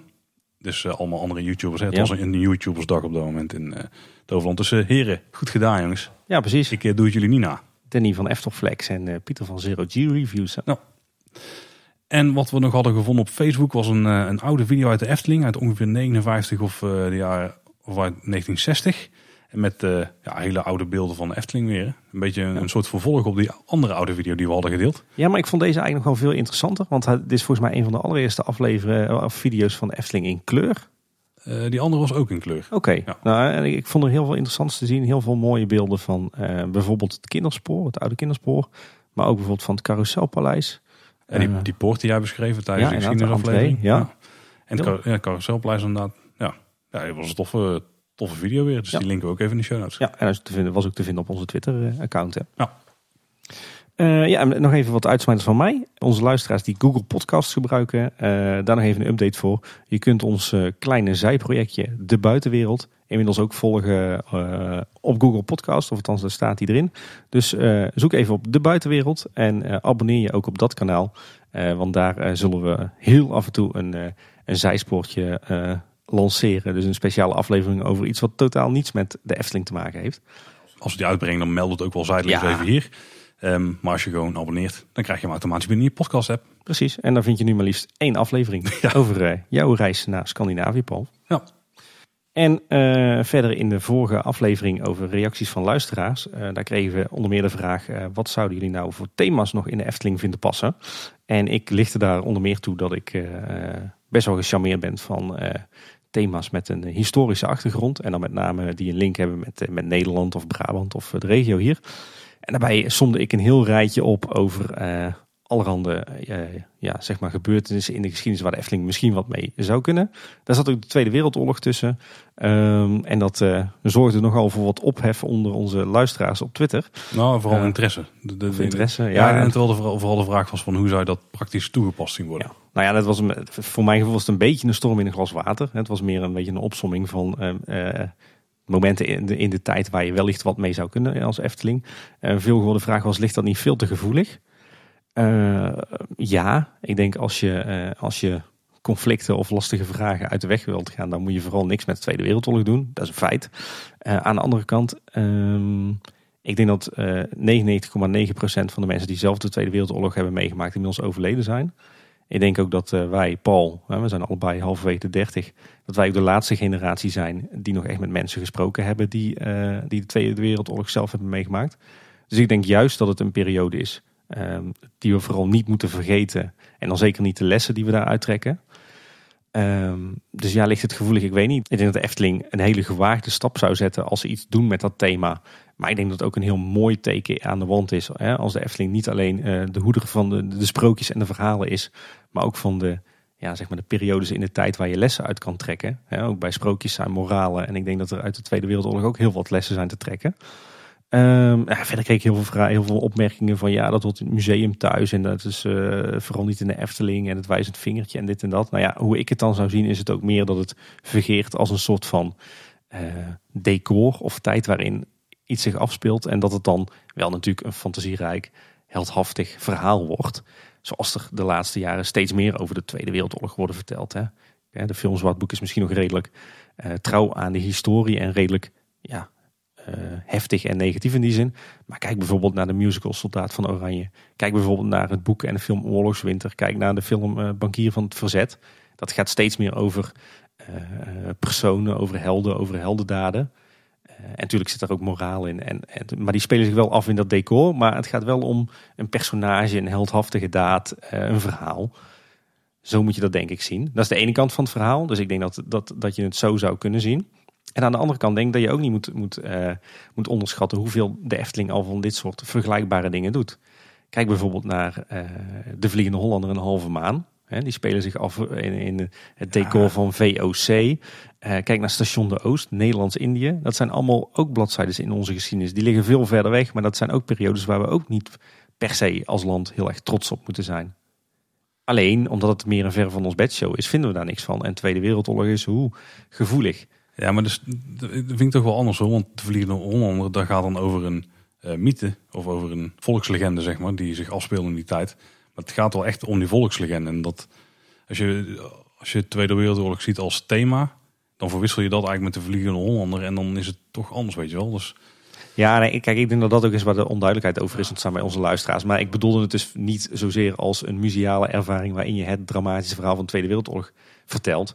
Maar het kan ook gewoon een een, een spannend verhaal of een spannend avontuur zijn dat zich in die tijd afspeelt. Ja, maar ik denk als je er echt wel Tweede Wereldoorlog aan vastknoopt, dan, dan ben je wel verplicht om daar een hele hoop van die, ja, je mag het geen stereotypes noemen, maar om daar uh, nazi's een uniform bij te halen nee, of, ja, uh, of, tanks of weet ik veel waar. Je moet dat dan heel zorgvuldig doen. Maar het was ook meer in een rijtje van, uh, en nu werd het heel erg uit zijn verband getrokken. Zo gaat het natuurlijk met dit soort zaken. Weet je, de, de beeldenstorm, de 80-jarige oorlog, de, de VOC-tijd, de industriële revolutie. weet je, daar zitten ook allemaal elementen in. En dit was een voorbeeld, maar het werd nu een beetje uit zijn wand getrokken. Dus dat wil ik toch een beetje nuanceren. Ik zat later bijvoorbeeld te denken dat bijvoorbeeld ook de watersnoodramp, eh, nog recenter in 1953, is ook heel erg dramatisch. Maar zou natuurlijk ook een schitterend uh, thema of achterliggend verhaal zijn voor een attractie. Ja, maar het, is, het, voelt sowieso te recent om een of andere reden. Ik weet niet, voor mijn ja. gevoel moet alles een Efteling op zijn minst 100 jaar oud zijn. Dan zijn we over, op zich over 25 jaar, dan is het inmiddels wel weer 100 jaar geleden dat de Tweede Wereldoorlog uh, was. Maar het is vooral dat het zo, het is zo, het is echt die harde realiteit, weet je wel. Ja, het is wel extreem. Ja, en het is, niet, uh, en, uh, het is niet een legende of een sage of een mythe of iets wat daarop is gebaseerd. Nee. En, en ik denk dat dat hetgeen is wat heel veel, waar heel veel mensen dachten van, ja, dat is een beetje er scheve gedachten bij kregen. Ja, precies. Nee, ik snap het ook wel. Ik moet ook zeggen, door die reacties heb ik, wel- was het ook wel een beetje een wake-up call. Ik denk inderdaad dat het zeker geen goed idee is om een attractie in de Efteling eh, te- baseren op dat thema. Dat, laat het dan vooral in, eh, in musea.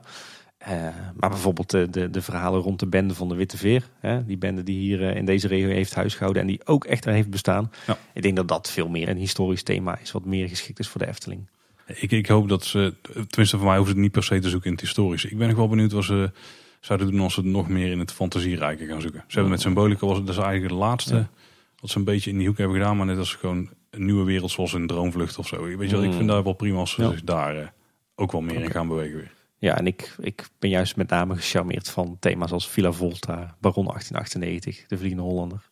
Joris en de Draak. Ja, mits goed uitgewerkt. Nee, maar dat is een beetje, dat is eigenlijk hetgene wat we de laatste jaren allemaal hebben gezien. En Symbolica is daar de uitschieter de andere Ja. kant weer op. Ja. Dus Daar het heb wordt ik weer ook geen moeite mee hoor. meer de maar, andere kant ja. te schieten. Hm. Maar goed, dat is eh, nog een, eh, een laatste stukje duiding. Dat was het dan voor deze week. Ja, dat was hem weer, eindelijk. Nou, heb je vragen, opmerkingen of wil je iets kwijt aan ons, bijvoorbeeld over thema's die jij graag in de Efteling wil zien in de toekomst, ben ik ook wel benieuwd naar. ja, inderdaad. Dan eh, kun je die naar ons toesturen. Het makkelijkste blijft gewoon Twitter. Daar zijn we @k boodschap. Ja, we hebben ook een contactformulier op eh, kleineboodschap.com. En daar eh, kan je ons bereiken. En je kan ook, ons, ook naar ons mailen via info.kleineboodschap.com. Ja, en we zijn uiteraard ook bereikbaar via Facebook en Instagram. Daar zijn we Kleine Boodschap. Ja, inderdaad. En mocht het je nou leuk lijken om eens een keer een opname van Kleine Boodschap bij te wonen. Op 6 juli nemen we onze 100ste aflevering op. En heb je nog geen kaartjes? eh, zorg dan dat je erbij bent. En eh, je koopt je kaartjes op kleineboodschap.com slash 100. Ja, en wil je ons nog een rating geven op iTunes of Apple Podcast? Mag dat natuurlijk altijd. Ja. En dan eh, horen jullie ons de volgende keer weer. Precies. Bedankt voor het luisteren. Houdoe. Houdoe waar.